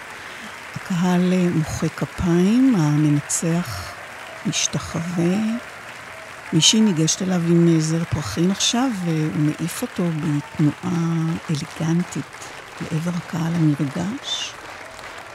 הנגנים קמים וכולם קדים בהשתחוויה אל מול התשואות, ועכשיו עכשיו יש מין שקט. בהתחלה, דממה. הקנבס העצום של היצירה. הדף והמחק של הזמן האנושי. דממה היא לא הרגע שלפני ההתחלה, ולא הנצח אחרי הסוף. היא הכאן והעכשיו, האפשרות לחלוף. היא לא שתיקה, לא שקטה ולא רועמת. היא... אז למי שלא הבין מדוע אנחנו פותחים את התוכנית עם קטע סיום של קונצרט, אולי נפנה את השאלה עליכם, זוהר שרון ורועי אופנהיים, היוצרים של המופע הזה לנוע בלי לזוז. עוד פרדוקס אפשרי במחוזותיכם, דהיינו תזמורת המהפכה. אנחנו בחלקה השני של התוכנית מאחורי הקלעים, והפעם על הסודות שעומדים מאחורי החיבורים המופלאים שאתם מביאים אלינו, חיבורים בין מוזיקה לאומנויות נוספות כמו תיאטרון, וידאו ארט, מחול, אופרה, אפילו אומנים מתים מצליחים להשתתף במופעים שלכם. אז שוב אה, שלום למנצח רועי אופנהיים ולמלחין זוהר שרון. המנהלים האומנותיים והמייסדים של תזמורת המהפכה. אני רותי קרן מגישה ועורכת, ונאמר גם חג שמח ושנה טובה למאזינים באשר אתם. ואתם, מדוע בחרתם לפתוח את הקונצרט במחוות סיום? כי אם אנחנו רוצים אה, ליצור מופע ולא קונצרט, הדרך שלנו יש התניה. כשמגיע קונצרט טוב לסיום, ובדרך כלל דבוז'ק עושה את זה מצוין, הקהל מוחא כפיים. הוא לא יכול שלא למחוא כפיים. רצינו לברוא עולם חדש. Mm-hmm. והסימפוניה הזאת, הסימפוניה התשיעית של דבוז'ק, היא הסימפוניה מן העולם החדש. וכדי לברוא עולם חדש, אז כנראה צריך לשחרר את העולם הישן במחיאות כפיים, ומקונצרט מאוד רגיל, להגיע למחוזות הרבה יותר מופרכים ומעניינים, שהולכים גם לסוג של הצגה. ווידאו ארט שלא נקבל מתוך אה, יצירה סימפונית רגילה. כי זו יצירה חדשה, זו יצירה מקורית של זוהר ושלי, והדרך לצאת לדרך חדשה היא לשחרר גם את הסיום שאיתו אנחנו הולכים. וכשאנשים מגיעים לקונצרט או למופע תזמורתי, הם רוצים לראות את המנצח עולה על הבמה, את התזמורת מכוונת ומתחילים לנגן. ואם יש תיאום ציפיות ראשוני עם הקהל, זה התיאום. ולכן החלטנו מהרגע הראשון להגיד, זה לא המצב, זה הפרויקט שפתח את הסדרה שלנו ב-2017. המסך היה למטה, שמעו את התזמורת מתחילה לנגן את 20 התיבות האחרונות של uh, מן העולם החדש של דבוז'ק, הפרק האחרון. במהלכן מסך הבית עולה, המנצח באקסטאזה. זה אני, גם התזמורת, וכשעושים את ה-20 תיבות האלה טוב ויש לי ניסיון בזה, הקהל מוחא כפיים, הוא לא יכול... הקהל האמיתי. הקהל האמיתי. אני חייב לציין, מאחורי הקלעים, עידו ריקלין, שליווה את הפרויקט הזה והיה במאי שותף, אמר, אני לא הייתי בטוח שהקונספט הזה יעבוד. זה היה הקטע הכי מלחיץ מבחינתי בפרמיירה. האם הקהל ימחא כפיים? אמרתי לו, תקשיב, זה אינסטינקט נכון. מוזיקלי, הם לא מסוגלים. איך ששומעים את הפאפאפאם, זהו. והקהל מחא כפיים, וזה הרים לנו. הרמתי את התזמורת, כן. לחצתי את ידה של הכנרת הראשית, השתחווינו, ירדתי מהבמה, חזרתי, קיבלתי פרחים. כן. זרקתי את הפרחים לקהל, עשינו את כל מחוות הסיום. אחרי ההשתחוויה השנייה שלנו, כל הבמה נכנסה לבלק, לחושך מוחלט. מדדנו כ-15 שניות של בלק, כשבבלק הזה, בחושך המוחלט הזה, כל התזמורת נשכבת על הרצפה, ולאט לאט נפתח אור עליי כמנצח, שמנצח בחושך מוחלט, כשהתזמורת כולה לא זזה ולא נעה לשום מקום, בדממה מוחלטת. על הרצפה. על הרצפה, ואז אתה מבין, אוקיי, זה לא מה שציפיתי שיגיע. גם ו... מתחילים מהסוף וגם הנגנים בכלל לא על הכיסאות שלהם. ושוב, למי שחי את העולם הקונצרטנטי, הוא לא ממהר לראות ויולה על הרצפה. או צ'לו זרוק כן. ונגנים שכובים על הרצפה, כשביד אחת אני מנצח כפנטומימה, יד שנייה אני מדליק אור. על המספר שנמצא בקצה, והדבר הראשון שאנחנו שומעים זה דווקא מילה, על הדממה, ולא על המוזיקה, כי זה הקנבס של היצירה של לנוע בלי לזוז. ומה מה בעצם רציתם שיקרה עם ההיפוך ה... של כל הכללים בעצם אה, לגבי מה שאנחנו רגילים בקונצרט? הרבה פעמים כשאנחנו יוצרים רגע כזה, אנחנו מנסים להגיד, אם אנחנו עכשיו בקהל, מה תהיה החוויה שלנו? אנחנו ממש מנסים להיכנס לחוויה הפסיכולוגיסטית או החוויה הרגשית של מי שנמצא בקהל. אז עכשיו אני לוקח שנייה אחת של שקט ואני אומר, דמיינו עכשיו את מה שרועי תיאר, ודמיינו רגע אתם, המאזינים שלנו, מה אתם מרגישים ברגע הזה? מה קורה לכם כשאתם רואים כזה דבר? אני חושב שהדבר הזה שם אותך במקום שאתה גם מופתע מאוד, אתה גם מעורער, אתה אומר, אז מה הולך לקרות פה היום? זאת אומרת, אני באמת לא מבין מה הם רוצים ממני. וזה בדיוק המקום שאנחנו רוצים לשים אותם, אנחנו רוצים לשים אותם במקום של דריכות מאוד גדולה, של ציפייה מאוד גדולה. סקרנות. של סקרנות מאוד גדולה, ואני חושב שהרגעים הראשונים של המופע, מיד כשרן דנקר מתחיל לדבר, הם רגעים שחלק מהם לקוחים מתוך עבודת הדוקטורט של רועי על פילוסופיה של הזמן. Mm-hmm. זה משפטים שהם נעים בין הגות פילוסופית לבין שירה, ככה אני מרגיש את הדברים האלה, וכל משפט שם הוא משפט שגם הוא יכול להיות או משפט סתום או משפט שפותח צוהר להרבה מאוד אה, מחשבות, ואני יכול להגיד בסופו של מופע, כשדיברנו עם אנשים מהקהל, אנשים אמרו, אוקיי, אני חייב לבוא לראות את זה שוב, כי אני Mm. מבין שדיברתם אליי בהמון משלבים שונים, אני מבין שיש פה משהו רב-שכבתי. זה קצת דומה לסרטים כאלה שמשחקים עם מימד הזמן, אתה אף פעם לא מסתפק בלראות אותם פעם אחת, אתה מבין, אוקיי, עכשיו הבנתי שלא הבנתי, עכשיו אני צריך לבוא לראות כן, שוב. אבל אז כבר אין את ההפתעה. נכון. צריך גם להבין את זה שכשאנחנו בונים את זה, בפינג פונג שלנו, כל המערך הזה אומר, אוקיי, שנייה, אני צריך להיות יותר, כמו שזוהר אמר, דרוך, סקרן, ואז יכולת ההאזנה שלהם להיכנס עכשיו לשבע דקות של יצירה לצ'לו ותזמורת שהם לא מכירים, האפקט החווייתי יהיה יותר גדול, ולאט לאט גם אותה, אחרי שזה יורגש כמו מערכה ראשונה מוזיקלית, לאט לאט נכרסם בה, כי כבר מהמם. תהיה תחושה של קונצרט, ואז המהלך הבא יהיה, זה רק שנייה, אם כבר הקהל התחיל איך שזה קונצרט, אז עידו ואני ניסינו להגיד, אוקיי, איך אנחנו מערערים להם את תחושת הקונצרט? מה לא עושים בקונצרט? איך הם יגיבו? ואמרנו, בואו נלך מהקהל הכבד. הדבר הראשון זה נזרוק את התווים של הנגנים והם יצטרכו לאסוף אותם מהרצפה. זה כבר... זה כבר יגיד, אוקיי, רק שנייה, אבל אה, אה, היו עכשיו יצירות מאוד רציניות, מאוד יפות, מאוד מעניינות מבחינה מוזיקלית, זה לא כל כך מתאים. אחרי זה נראה שהשחקן מטפס על הפסנתר באופרה הישראלית ומדבר, זה כבר, כבר מוגזם, כי לא מטפסים על פסנתר סטנוויי, לא. קיבלנו את כל האישורים, לא לדאוג. והשלב השלישי, שכבר אז כבר ידענו שאנחנו הולכים לכיוון של יותר תיאטרון, כי זה בדיוק העניין הזה של מתי אתה בקונצרט ומתי אתה בתיאטרון. המעבר מתי... הזה, כן. זה הרכבת הרים שדיברנו עליה בהתחלה, של בין לספר סיפור ובין לש... להאזין למוזיקה, והבנו שברגע שהשחקן ייקח מצ'לנית את הצ'לו שלה, יעמוד בין הרגליים שלה ויגיד לה, תנגני עליי, אז אלה שיחשבו שהם עדיין בקונצרט, ירגישו לא טוב. כן. אבל אלה שיבינו שכבר, אוקיי, אנחנו נמצאים עכשיו פתאום באזורים של תיאטרון, כי אם אותה ג'סטה הייתה קורית בקאמרי 2, זה היה נראה... כן, זה בסדר. אה, בסדר. ואחרי שנכנסנו לתוך התיאטרון, והוא מעיף אותי מהבמה, והתזמורת מנגנת מוזיקה של זוהר, כשאני יושב בצד, ברגע הקריטי, ניסינו לחזור חזרה לתוך הקונצרט. בעצם אפשר לומר שהיצירה הזאת היא אולי סוג של הגשמת החלום הרטוב שלכם מלכתחילה, לשבור, לעקם או לעשות איזשהו שינוי בפורמט הכל כך מקובע מאות שנים של מהות הקונצרט, של האזנה קולקטיבית למוזיקה סימפונית, קלאסית, המכובדות והאיסורים, האימה אפילו. אתם עושים מהפכה, ואתם מחליטים להפוך את הכל על הראש. זה לכאורה קונצרט, אבל הוא הופך לתיאטרון. השאלה שלנו היא יותר מצומצמת מזה. איך אנשים יבואו ויהיה להם את הקשב להאזין למוזיקה אינסטרומנטלית לאורך זמן שהם לא מכירים. זוהר כתב מוזיקה, וזה לא בטהובן. זה לא צ'ייקובסקי וזה לא פחות טוב, זה מעניין. ופחות פתוחים לדברים נכון, האלה, אנחנו ובגלל זה יודעים את אנחנו זה. לוקחים את הבמה כן. כדי שתאפשר, כל המשחק של התיאום ציפיות הזה, כדי לאפשר ליצירה ישראלית מקורית, שאנשים בלי טקסט יבואו ויאזינו ויקבלו חוויה שלטעמנו עדיין יש לה מקום. אני מרגיש שגם יש פה גם וגם וגם. זאת אומרת, אנחנו גם רוצים לייצר קומוניקטיביות עם הקהל. מצד שני, אנחנו רוצים לחשוף אותו לדברים חדשים לגמרי.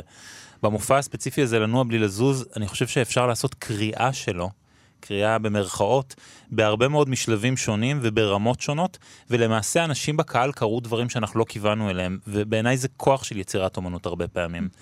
והפענוחים השונים והמגוונים האלה והמוטיבציות השונות שלנו למה בכלל לעשות את הדברים האלה, הם מה שמניע אותנו בתוך הרבה מאוד מהפרויקטים האלה. איך זה בעצם נולד? מאין צמח הרעיון הזה ואיך גיבשתם את זה יחד? הבנתי מכם שזה היה תהליך לא פשוט.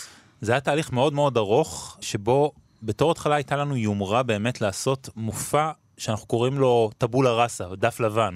מופע שבו אין משהו להישען עליו. אמנם יש את הציטוט הזה של הדבוז'ק בהתחלה בסופו של דבר, אבל בסופו של דבר יש פה תוכן מוזיקלי חדש, טקסט חדש לגמרי, אין עוגנים להיאחז בהם. ובמשך שנה או שנתיים הסתובבנו וניסינו לחשוב על כל מיני כותבים שיכולים לכתוב ולהתכתב עם הרעיונות שלנו ולייצר את אותה מסגרת רעיונית שתאפשר ליצירות אינסטרומנטליות של להיות מבוצעות. אפילו נפגשנו עם כמה כותבים, ובאיזשהו רגע שכבר אני, אני הרגשתי מאוד מתוסכל, כי אנחנו ראיתי את, את הרצון שלנו להתחיל את תהליך היצירה, אבל אי אפשר להתחיל ליצור בלי כותב. אמרתי לו, רועי, תקשיב, התשובה מתחת לאף שלנו. עבודת הדוקטורט שלך, לנוע בלי לזוז, היא מתעסקת בדיוק במהות הפילוסופית, ש... כי למופע הזה יש גם איזשהו רעיון פילוסופי עמוק מאחוריו, היא מתעסקת בדבר הזה. אתה צריך לכתוב את הטקסט. ולא רק זה, את יודעת, לא כל עבודת דוקטורט משלבת בתוכה גם ציטוטים ישירים של עמיחי ועוד כל מיני הוגי דעות, אבל ככה נראית עבודת דוקטורט של רועי, מאוד מהמם. פיוטית, לצד כן. כל הרגעים הלוגיים והטיעונים המורכבים שהוא מתאר שם.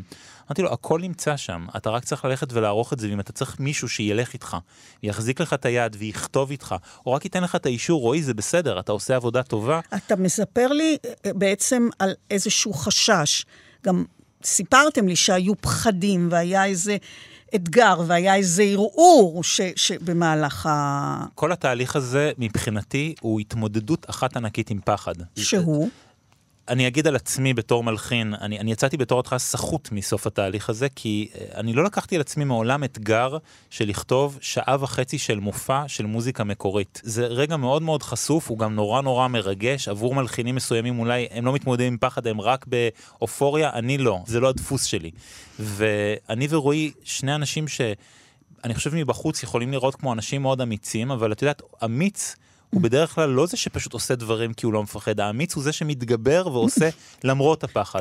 אז היומרה הזאת, שאתה יכול להגיד לעצמך יהירות, איך אני אחזיק אנשים בעניין עכשיו עם מוזיקה מקורית? איך אני אעז לכתוב עכשיו טקסט? ולא מדובר פה על אולם, את יודעת, אה, איזה אולם צוותא או אפילו אולם קטן יותר פרינג'י. זה האופרה. זה האופרה, זה המקדש, 1,500 איש. וואו. אז יש פה המון אחריות, אז את יכולה להבין איך המילה פחד מתקשרת לכל הפרויקט הזה. ואז איך אתה הופך להיות אמיץ? מה, מה... יש לנו כאן קבוצת תמיכה.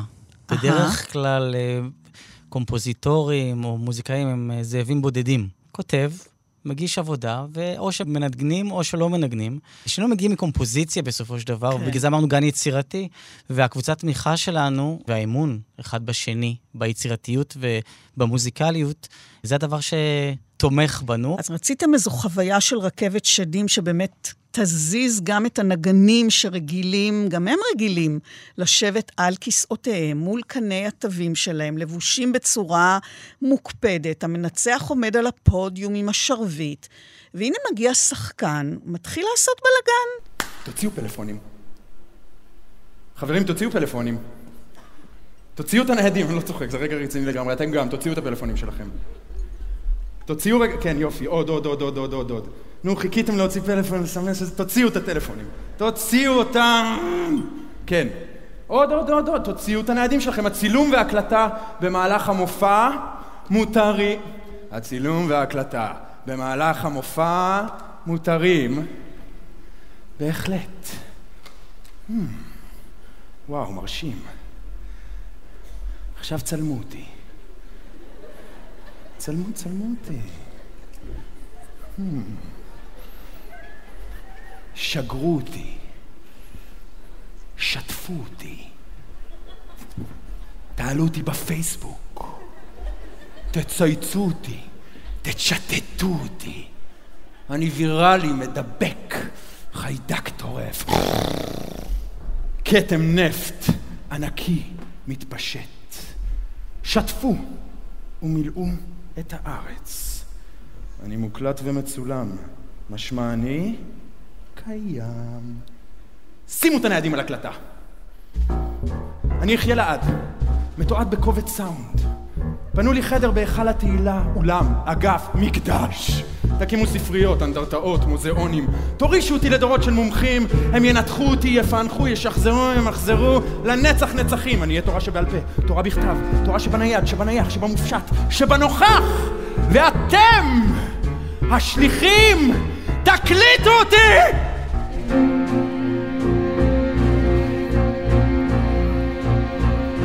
בהתחלה אני, השאלה אני, והתשובה אני, אני. הרגע שלפני, הנצח שאחרי, הכאן ועכשיו, אני.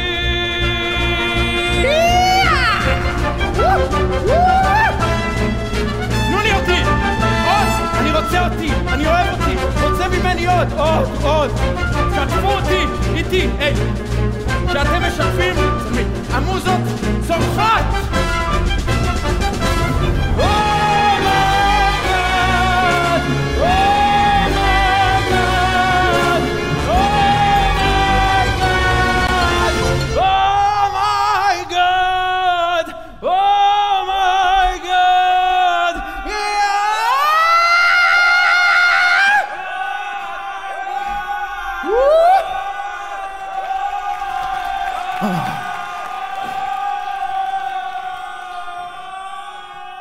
עכשיו, גם אם נגני התזמורת יודעים שזאת הצגה, מסכימים להשתתף במשהו פרוע כזה, עדיין הם לא שחקנים, הם רגילים לקוד התנהגות אחר. אז איך מה שהם נדרשים לבצע, שזה גם קשה פיזית, איך זה עובר עליהם? אנחנו בעצם בתחילתו של פרויקט כזה, ודרך אגב, מאז הרחקנו לכת, הם נדרשו לעשות דברים יותר פרועים ממה שהם עשו במופע הזה. אנחנו נפגשים עם הנגנים ואנחנו אומרים להם, חברים, זה לא קונצרט, זה מופע, ואנחנו הולכים במופע הזה להשתולל, וחלק מההשתוללות זה מה שאתם תעשו במופע הזה. אנחנו הולכים לביים אתכם. וכולם מסכימים?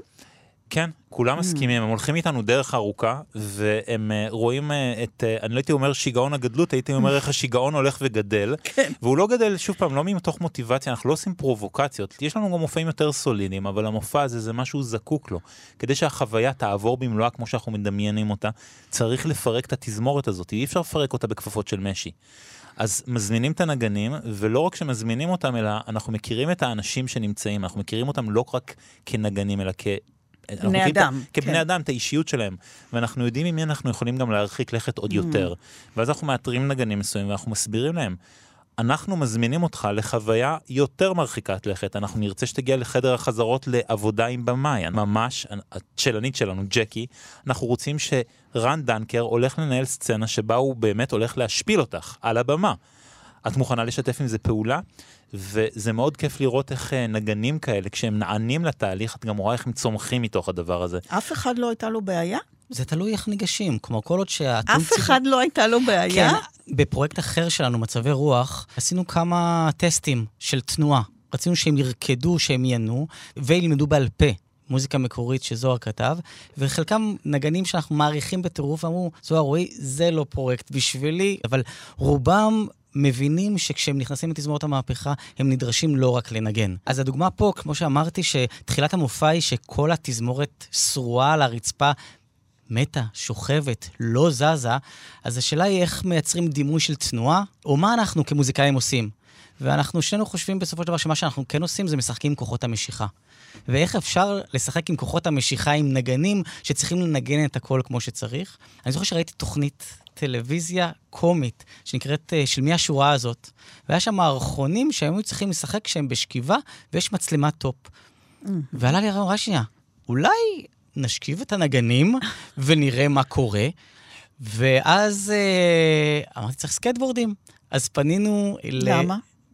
כי התנועה שלהם צריכה להיות יותר חלקה. זאת אומרת, החס... אה, לא רק להשכיב אותם, אלא גם שהם יזוזו. יזוזו, ידחפו עם הרגליים, ותהיה את התחושה הזאת שפתאום חוק המשיכה נעלם. נתחיל עם תמונה שלקהל זה נראה הם מנגנים רגיל, ואז ברגע מסוים כאילו הם עושים קפיצה, אבל הם לא חוזרים למקום. את הדבר הזה אנחנו יכולים לעשות, מה שעשינו בעצם, כן. יחד עם uh, יואב כהן, שהיה מעצב הוידאו, ומירי לזר, מעצבת התנועה. שכרנו ליום שלם האנגר ליד נתב"ג, צבענו את הרצפה בשחור, תלינו מצלמה על התקרה שתצלם את הרצפה. כמה חודשים לפני זה בנינו סקטבורדים. אני זוכר את עצמי עוד מתרגל סקטבורד בדרום תל אביב על מדרכה כדי לראות אם זה עובד או לא עובד. שאתה שוכב עליו. שאני שוכב עליו, ואז גם, תמיד אין לנו תקציב, אבל היינו צריכים לחסוך, ולקחנו גלגלים שהחיכוך שלהם לא היה יאי, אחרי זה זה הסתבר לנו כתקלה. עשינו איזה טסט אחד עם נגנים שהם שוכבים על הרצפה עם הכלים ומתחילים לנגן. הבנו שזה מאוד בעייתי לעשות את זה בלייב. קשה לנגן בשכיבה. נכון, תכלס. ואנחנו בסופו של דבר, מה שאנחנו אמונים עליו זה חוויה מוזיקלית. כל הדברים האלה צריכים להיות מגבר כן. לחוויה המוזיקלית, ולכן הבנו שהדימוי החזותי יהיה מגבר, אבל הם לא ינגנו את זה. נכנסנו לחדר הקלטות בהתחלה כדי לעשות איזו גרסה ראשונית. נקייה, נקייה. איכותית. נכון, זוהר כתב ואלס. שקראנו לו ואלס הריחוף. אהה. יחד עם מירי התחלנו לראות איך החלילנית קופצת ומתחילה לרחף, ואני והחצוצרן תופסים את הרגליים ומחזירים אותה לקרקע, והיא מרחפת עוד פעם. אבל איך היא מרחפת? או, זה נראה שזה מרחף בגלל שהמצלמה היא מהתקרה, כולם שוכבים, ובהתחלה זה נראה שכאילו הם עומדים על קצה הבמה. אבל ברגע שאתה שוכב ואתה מצולם מלמעלה, ואתה נותן דחיפה עם הרגליים, ואתה לא חוזר כן. חזרה, אתה יכול לעשות מניפולציה. תכננו את זה לפרטי פרטים, הכל בדמיון, כי היה לנו רק יום אחד של דבר כזה, מתי כל אחד ייכנס. גילינו, לצערנו, מאחורי הקלעים, שהגלגלים שלנו לא היו מספיק טובים, ואז התנועה הזאת נתקעה. גם גילינו שבגלל שצבענו את הרצפה מוקדם בבוקר, הגלגלים האלה התחילו להוריד את הצבע. של הדבר. אני חייב לציין אישית, אני, בגלל שהייתי עסוק כל כך באיך הצילום הזה ייראה, כשהגענו לצלם את הקטע שלי, יחד עם הנגנים, פתאום גיליתי ששכחתי את מקל הניצוח שלי אוי. בבית. אוי, כן. איך אה, אפשר? איך אפשר? אז איך שמכ- ידעו שאתה מנצח בלי המקל? אה, פנטומימאי מתוסכל, או כמו שאני קורא לזה, רקדן שהתבייש. למרות אה, שיש מנצחים שמנצחים בלי שרביט. נכון, אבל זה הרגל. מנדי כן. נתן בי הרגל, אוקיי. וזה סוג של אופניים, זה כלי. שבו אתה יודע עד כמה אתה יכול לעבוד. תלוי, יש כאלה שחותכים עם סכין יפני, כאלה עם סכין מטבח, הם יודעים עם איזה סכין הם יעבדו יותר טוב. יצאתי החוצה, היה שם איזה קנה סוף, עשיתי איזה מקל, וכל פעם עכשיו שאני רואה את הוידאו, אני צוחק עם עצמי, אם מישהו היה יודע שיש שם איזה קנה סוף במקום מקל מנצח, את האמת, התוצאה המוזיקלית יצאה אותו דבר. לא, זה, זה מה שאני אומרת. מה זה מנצח בעצם? זה איזה איש אחד שעומד עם מקל. לא, לא, בדיוק, אני, אני, אני רואה אותו יותר כמו כן. במאי תיאטרון, שרוב העבודה שלו היא בחזרות, ובגלל שכולם מנגנים במקביל, ומוזיקה היא אומנות של זמן, הבמאי צריך להיות על הבמה, והוא כבר נמצא כבר ככוריאוגרף, לעומת במאי קולנוע. ויש גם אנרגיות של, שוב, זה עניין כמותי. כשיש הרבה אנשים וצריך להזיז את הסמי טריילר הזה, מני פעם אמר לי, לנצח על תזמורת זה לא כמו אוטו, אתה נותן גז וזה מתנהג, זה כמו סוס. אתה נותן לו את הזה, אבל לפעמים יש לו גם רצונות משל עצמו, ולכן הדברים האלה צריכים לקרות בלייב, ולא רק בחזרות. אני נזכרתי אגב עבודה מעניינת עם נגנים, שכמה שנים לפני זה יצרנו מופע לתחרות של מפעל הפיס, ולמופע קראו פעימות. וזה היה מופע שנועד עבור קונצרטים לכל המשפחה. היה לנו רצון שהנגנים ישבו בכל מיני צורות לא שגרתיות, בכל מיני גבהים. אבל לתזמורת המהפכה אין מחסן, אין לה אפילו משרד, לא היה לנו איך עכשיו להתחיל גם תקציב לבנות כל מיני כיסאות, ואמרנו, מה בכל זאת אפשר לעשות שייכנס בבגאז' של האוטו של אחד מאיתנו? ואז אמרנו, כדורי פיזיו כאלה, כדורים שאנשים עושים עליהם פילאטיס, הם כדורים שאפשר לנפח לפני המופע, ובסוף המופע לפנצ'ר ולהכניס לתוך הבגאז'. וכשהתחלנו לדבר עם יעל קרמסקי, הבמאית של אותו מופע, היא אמרה לנו, חבר'ה, אני מכירה נגנים של תזמורות, אף אחד לא יסכים לשבת על כדור קופצני. ועוד לנגן. שעה ולנגן נכון. גם, זה בלתי אפשרי. אמרתי, תקשיבי, אני מדבר איתך אחרי שישבתי בבית, אני יודע לנגן קצת חלילית, ניסיתי לנגן על חלילית וזה אפשרי, ומי שיגיד שזה לא אפשרי, הוא לא יוכל להשתתף במופע. וואו, איזה אודישן. כן, אז את יודעת, זה, זה, זה נחמד, כי עם הנגנים שלנו, האודישנים האלה הם לא קשים, אתה בא, הם מרימים גבה, הם אומרים, טוב, שוב שני המשוגעים האלה התעוררו על הצד הזה, נזרום. והם ישבו על זה? הם לא רק ישבו, הם ישבו, הם וואו. ניגנו לנגן נשיפה להחזיק פייה של חצוצרה או טרומבון תוך כדי שהוא קופץ, זה לא וואו. דבר טריוויאלי, וזה חלק מהכיף, את יודעת, אנחנו מה זה מותחים את כיף? זה הגבולות. נשמע לי קצת איזה סדיסטיק אפילו. אה, אנחנו, זה לא המוטיבציה, לא, ואנחנו... כאילו, למה שהם ישבו על הדבר הקופצני כי הזה? כשאתה מלמד קצב ילדים, ואתה רוצה ללמד אותם את Mhm. פעימה, לא יכול להיות, לפחות מבחינתנו, כן. ושוב אנחנו חוזרים על הבמה כמגבר לחוויה מוזיקלית, אם פתאום כל הבמה קופצת ומרגישים את הביט בנגינה, אז אנחנו עושים את מה שאנחנו מדברים עליו. השחקן רן דנקר, השחקן בגרסה הראשונה, שאותו גם שמענו בקטע הפתיחה, בעצם עשה חזרות בלי התזמורת, בלי תגובה, שזה אגב מזכיר לי רגע שם ממש בפתיחה, כשאתה, רועי, עושה תנועות ניצוח על שקט. זה היה סוג של תיאטרון אבסורד. כי הוא אומר, אני יודע שאני הולך להופיע עם עוד 30 איש על הבמה, ואתם אומרים שהם מגיעים רק לשבוע. איך אפשר לעשות שבוע? אני צריך להבין את הדברים האלה. וישבנו בחדר חזרות, עידו ריקלין, זוהר ואני, כשיש 20 כיסאות, ורן רץ בין הכיסאות, אומר את הטקסטים שלו, והוא אומר, לא, לא ידעתי שאני התחייבתי למונודרמה. מתי מגיע השותף, הפרטנר שאיתו אני צריך לעבוד? והקסם קרה כשהתזמורת הגיעה. פתאום יש לו 30, 20 זוגות עיניים מסתכלים עליו, וזה חלק מהעשייה שלנו, של מאחורי הקלעים, בדרך כלל בתיאטרון ובמחול, יש המון חזרות. אנחנו מדמיינים. זאת אומרת, כדי לצלם את חדר החזרות שלנו, צריך להיכנס לראש של זוהר ושלי, Mm. כי אנחנו מדמיינים המון, כי אין לנו את האפשרות להכניס כמות כזאת גדולה של אנשים לחדרי חזרות לתקופה ארוכה.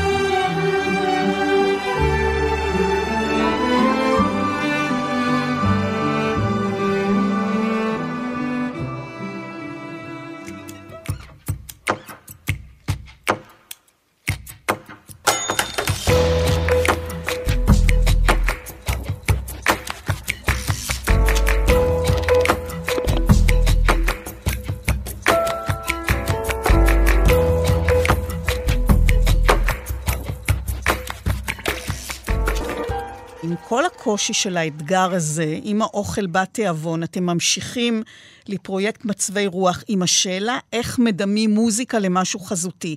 אבל זה מה שאתם מנסים בעצם לעשות כל הזמן, אז מה השתנה? תמיד יש את השאלה האחת, ויש לה תמיד תשובות נוספות. המנחה שלי של הדוקטורט אמרה לי שהתשובה היא חוסר המזל של השאלה. אנחנו מנסים לשאול כל הזמן, אם למישהו יש תשובות, זה פחות מעניין. אנחנו שואלים כמעט את אותה או, שאלה. סוף סוף מישהו בעד השאלות.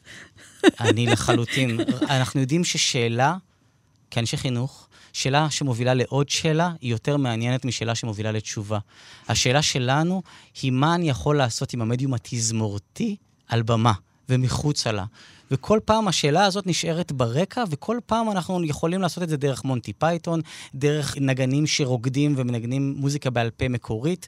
אנחנו עובדים עם וידאו ארט, אנחנו מבינים את המגבלות של המסך, אם יש עליו גשש או רק קו אחד שזז כל הזמן. אם היה פרויקט של לנוע בלי לזוז, אז למה לא לנוע? למה לא פשוט לנוע את המוזיקה? כל מי שמסתכל על מוזיקאי רואה שיש בתוך המוזיקה שהוא עושה מגולמת תנועה.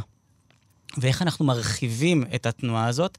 הגענו עם רעיון של תשע מטמורפוזות, שזוהר כותב לתזמורת מיתרים על בסיס פרילוד של שופן לפסנתר, וכל מטמורפוזה מאופיינת בהלך רוח אחר. ואמרנו, גם אם הנגנים שלנו ינגנו את זה כמו שזה, הם ינגנו את זה מתנועה. תנועה שנמצאת מתוך המוזיקה, ולכן הוספנו את אריאל וולף כמעצב תנועה, כדי שהתנועה המוזיקלית תהיה סוג של מגבר. כי לפעמים מסתכלים על הכלי כ extension של הגוף.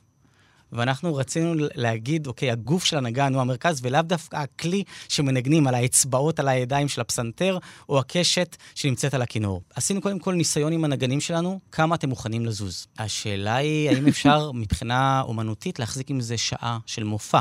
הדבר המרתק במצבי רוח ברגע הראשון, שהקהל מתיישב, ואני מניח שכל קהל שמגיע לתזמורת ישאל, אין כיסאות על הבמה? אין עמוד תווים אחד על הבמה? לא הגעתי למופע של תזמורת? והשאלה הזאת אומרת, אנחנו כל הזמן בתנועה, תנועה מוזיקלית. אז הם מנגנים תוך כדי שהם רוקדים? הם כל הזמן בתנועה. לא התיימרנו להיות רקדנים, זה חשוב להבין את זה. יש לנו שם נגנים שיש להם עבר ריקודי, אבל כל הזמן לראות איך אתם כל הזמן, את התנועה המוזיקלית שלכם, יוצרים מגבר מבחינת במה. אתה תזוז לפה, אתה תזוז לפה.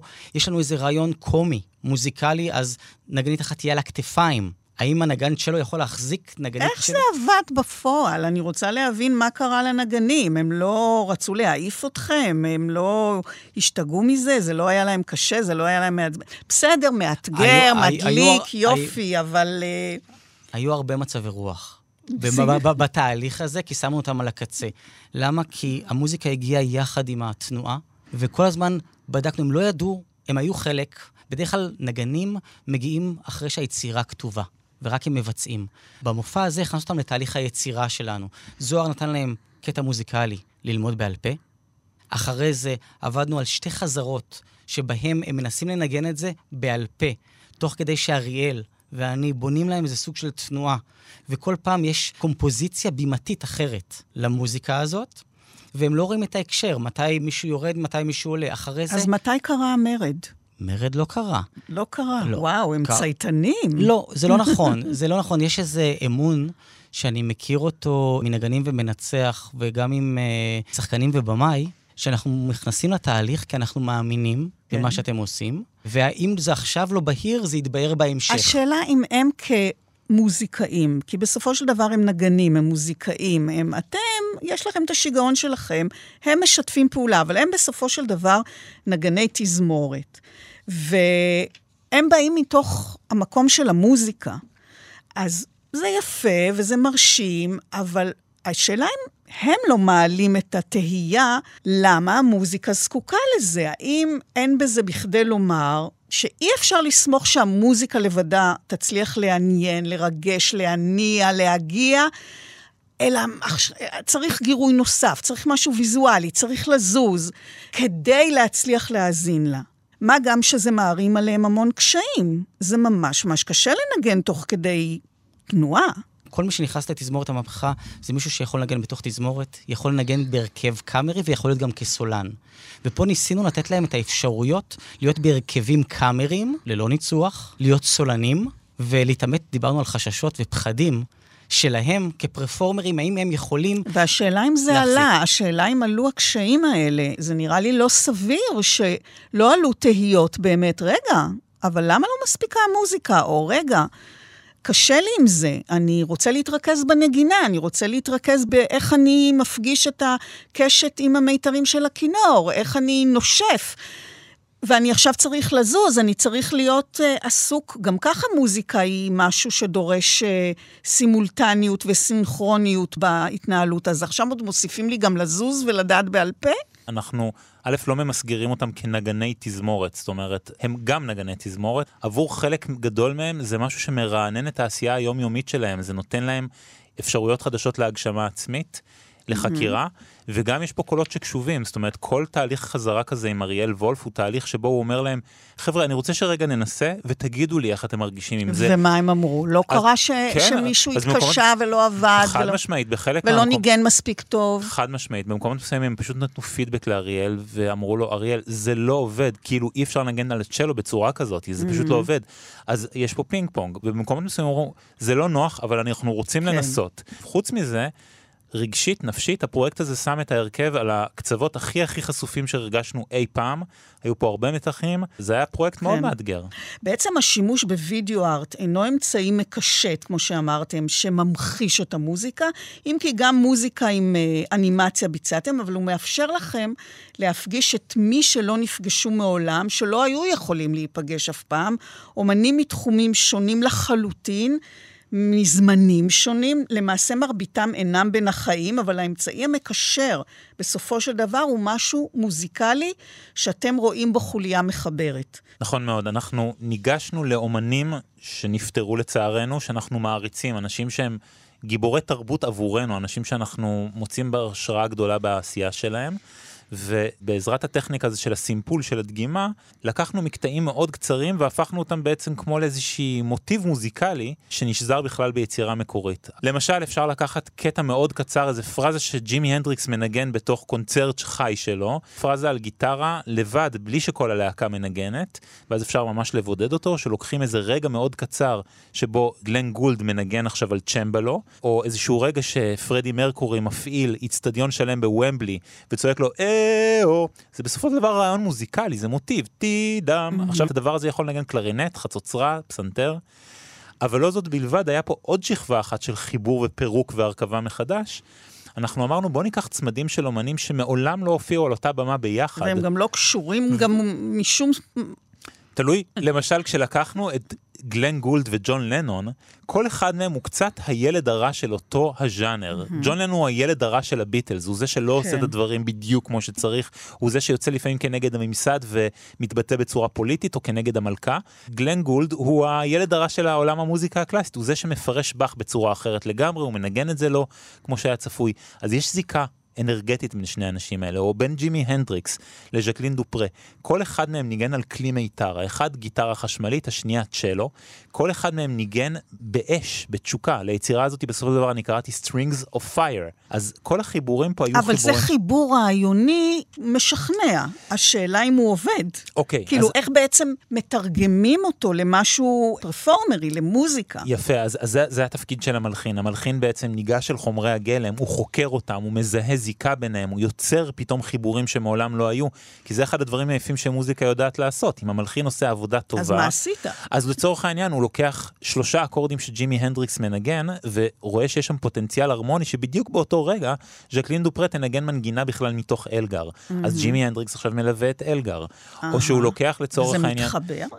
כן, זה מתחבר בצורה מטורפת, וכשאתה נמצא בחדר ואתה, ואתה עורך את מה, זה... מה, אתה סתם מנסה? אתה ממש מנסה. כן. אתה מנסה, אתה מזהה, יש לך אינטואיציות, אתה מזהה פוטנציאל, אתה מתחיל באמת באמת לנסות ולערבב ולבדוק שאתה לא אונס את החומר, אלא שאתה כן, נתרע ממשהו. אז כן, אז במופע הזה יש הרבה רגעים כזה של וואו. כן. כשאתה לוקח פתאום מה, את דוצ'אנו. מה היה החיבור שהכי ככה... תראה, אני, אני, עש... אני גם... עשה לך את זה. אני גם מלחין בתוך הפרויקט, והשתתפו מלבדי עוד שלושה מלחינים mm-hmm. אחרים, אריאל בלומנטל, אורית uh, גוראל ואמיר לקנר. אז אני לא רוצה להעיד על, עיסתי, כן. בסדר? אני אעיד על עיסתם של אחרים כרגע. אז אני יכול להגיד למשל שביצירה של אורית uh, גוראל, היא לקחה את מועדון 27. מועדון 27 זה אלה שלא עברו את גיל 27. כן, יש שם יש ג'ניס, המון, כן. כן. יש שם את ג'ניס ג'ופלין, את קורט קוביין ואת uh, ג'ים מוריסון. נכון. ואני חושב שא', הקונספט במהות שלו הוא אדיר, והיא באמת התחברה לטירוף ולאג'יות של השלושה אומנים האלה, והיא יצרה גם מוזיקה אג'ית. Legit. או אצל אמיר, לקנר שחיבר את לוצ'אנו פברוטי ואת uh, פרדי מרקורי, שכבר הזכרנו בתוכנית כן. שהוא הוא הזמר אופרה של עולם הרוק והפופ. אין, אין, אין, אין יותר ממנו. וזה, וזה היה פשוט גאוני בעיניי, לקחת רגע שהוא בעצם בכלל לא שיר. את יודעת, לא לקחת את הפרזה הכי מפורסמת עכשיו ברפסודיה בוהמית, אלא לקחת רגע של הפעלת קהל באיצטדיון ומבלי, ולהגיד, הדבר הזה שאתם חשבתם שהוא רק איזה מין גימי כזה של אומן עם הקהל הענק, הוא בעצם מוטיב מוזיקלי. ואז אמיר, בכישרון רב, זיהה שהטירם נמצא גם ב... פרזה שלוצ'אנו פברוטי שר באופרה אחרת לגמרי, שאומר דילה. ואת יודעת, כשאתה המלחין עולה על הדבר הזה, אז כן. אופס, יש לך עכשיו את המפתח שיפתח את כל היצירה. והמפתח שלך, בכל זאת. אז, אז אני יכול להגיד ספציפית שאחד המפתחות שהכי מרגשים אותי עד היום כשאני נזכר זה החיבור באמת של אה, ג'ון לנון וגלן גולד. אני עשיתי חיבור דרך אגב גם בין אה, עידית פיאף לאסטור פיאצול, אבל אם אני צריך כזה להגיד מה המקום שהכי רגשית כן. מפעיל אותי, זה שיר של ג'ון לנון שקוראים לו Everything is Clear, בעצם רוב האנשים מכירים את זה בתור Oh My Love, והיה פה משהו מאוד מאוד אה, פואטי ופיוטי בשיר המקורי, שהוא בסופו של דבר שיר אהבה, וכשאתה שוזר בתוך השיר הזה פתאום ליווי בצ'מבלו של באך, זה רק מרים את השיר הזה שהוא בעצם כמו שיר פופ, singer songwriter, הוא לוקח אותו פתאום למקום יותר של, הייתי קורא לזה Lied, שיר אומנותי, וזו חוויה מאוד מיוחדת, וגלן גולד לא ידוע בתור זמר, אבל באחד ה-DVD... אבל הוא מהמהם כל הזמן כשהוא מנגן, בדיוק. כל הוא- הזמן שר. בדיוק, הוא גם כל הזמן שר, וגם כשראיתי איזושהי תוכנית שבה הוא מדבר על אומנות הפוגה, היצירה האחרונה שבאך הלחין, אז הוא הרבה פעמים שר, מדגים כן. למראיין, מדגים פרזות וגם מנפנף בידיים שלו, הוא מאוד מאוד תנועתי. כן. אז את היצירה הזאת שבה גלן גולד מלווה כפסנתרן את ג'ון לנון, הוא דווקא חותם כזמר, והוא ממש נהדר. הוא שם שם פרזות מוזיקליות. את הפורמט הזה אתם מביאים גם לתלמידים שלכם כדי לגדל דור חדש שיש לו מרחב יצירה רב-תחומי בתוך לימודי המוזיקה בבית הספר רימון. איך סטודנטים מתמודדים עם השיגעון שלכם, והאם הם הביאו רעיונות חדשניים, משוגעים יותר, שלא חשבתם עליהם, אפילו אתם? אז עם הסטודנטים שלנו ברימון חווינו שני פרויקטים שונים. בפרויקט אחד אנחנו יישמנו משהו מהמהות הזאת של הפרויקט שאנחנו קוראים לו ריפליי, שזה בעצם לסמפל אומנים בווידאו לתוך uh, הבמה, ובפרויקט אחר עשינו עבודה של כתיבת מוזיקה למחול. הדבר הזה מאוד הבהיל אותם. זאת אומרת, בשני המחזורים שמענו מהם שהם אמרו, מה הם רוצים מאיתנו ואיך נעשה את זה ולמה הם חושבים שזה בכלל אפשרי ומנגד כגודל הפחד וגודל החששות שהיו להם גודל הסיפוק. אז בפרויקט לצורך העניין שעשינו עם המחזור הראשון שלנו לפני שנתיים עשינו שיתוף פעולה עם אה, ארכיון תאגיד השידור כאן וביקשנו מהם בעצם אה, לגשת אל חומרי גלם של יוצרות ומבצעות ישראליות והסטודנטים בעצם יצאו לתהליך של התחלת יצירה מהסוג שתיארנו קודם, שזה אומר שהם ניגשים לחומר, צופים בו, מכירים את האומן, מתחילים לחתוך ולחפש את חומרי הגלם. ואגב השאלה האם סטודנטים הפתיעו אותנו, אז כן, בהחלט הזכרנו כבר בתוכנית את המפגש הזה של אה, קורין הלל עם השיר ארץ קטנה עם שפם, והקטע מניקוי ראש. הרעיון הזה הוא רעיון שהסטודנט הביא, וזה רעיון שהפתיע אותנו, הפיצוח הזה. ופיצוח הוא דבר נורא חשוב, כי נכון. המלחין פה הוא גם תסריטאי ובמאי, הוא לא רק כותב מוזיקה. ומה הרגשתם? סטו- סטודנטית אחרת, דוגמה כן. אחרת של מאחורי הקלעים, הייתה חסרת אונים. היא אמרה, "אה, אני בקושי מצליחה לכתוב לתזמורת, אתם רוצים גם עכשיו את כל הוידאו? ואז הייתה שאלה, שנייה, מי מעורר בך השראה? והיא חשבה ואמרה, עפרה חזה.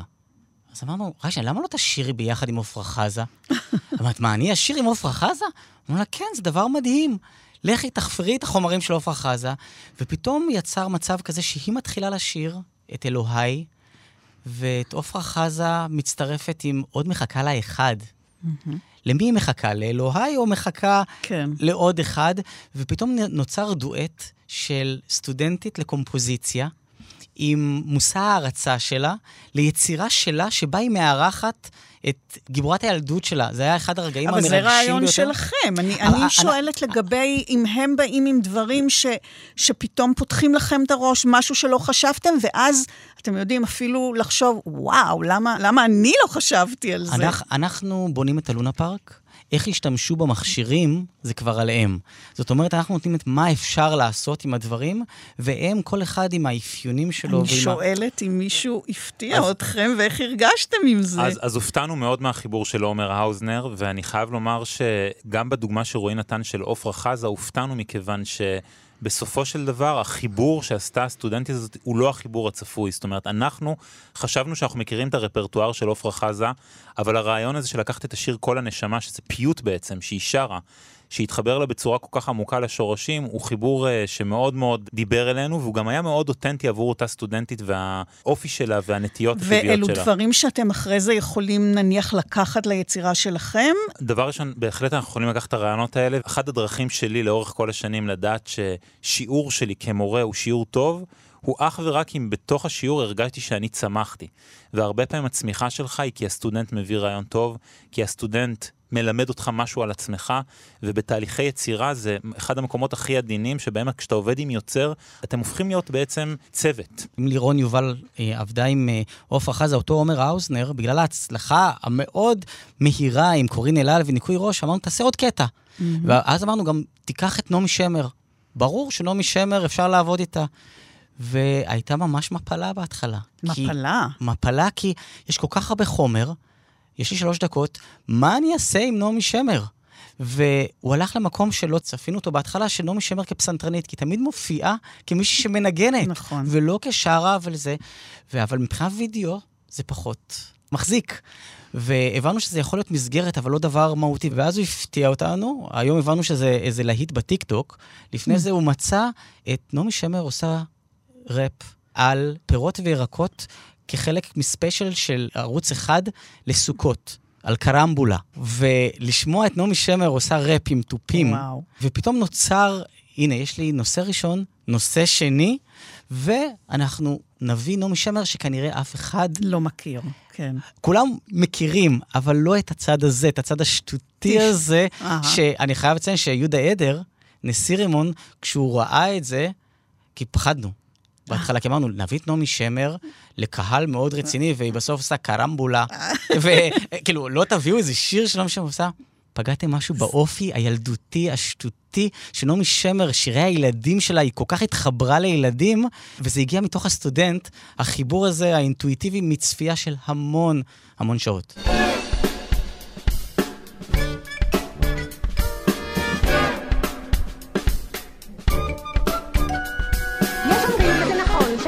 במכון, בשנייה הזו ממש ממציאים לי ברי חדש. מין צבא חלק חלק, מין לימון מתוק מתוק, אבטיח שבחוץ אדום, יודעים ירוק.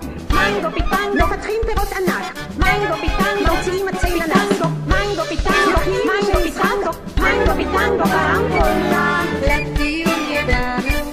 אצלנו בבוסתן מהפכה גדולה. מפתחים פירות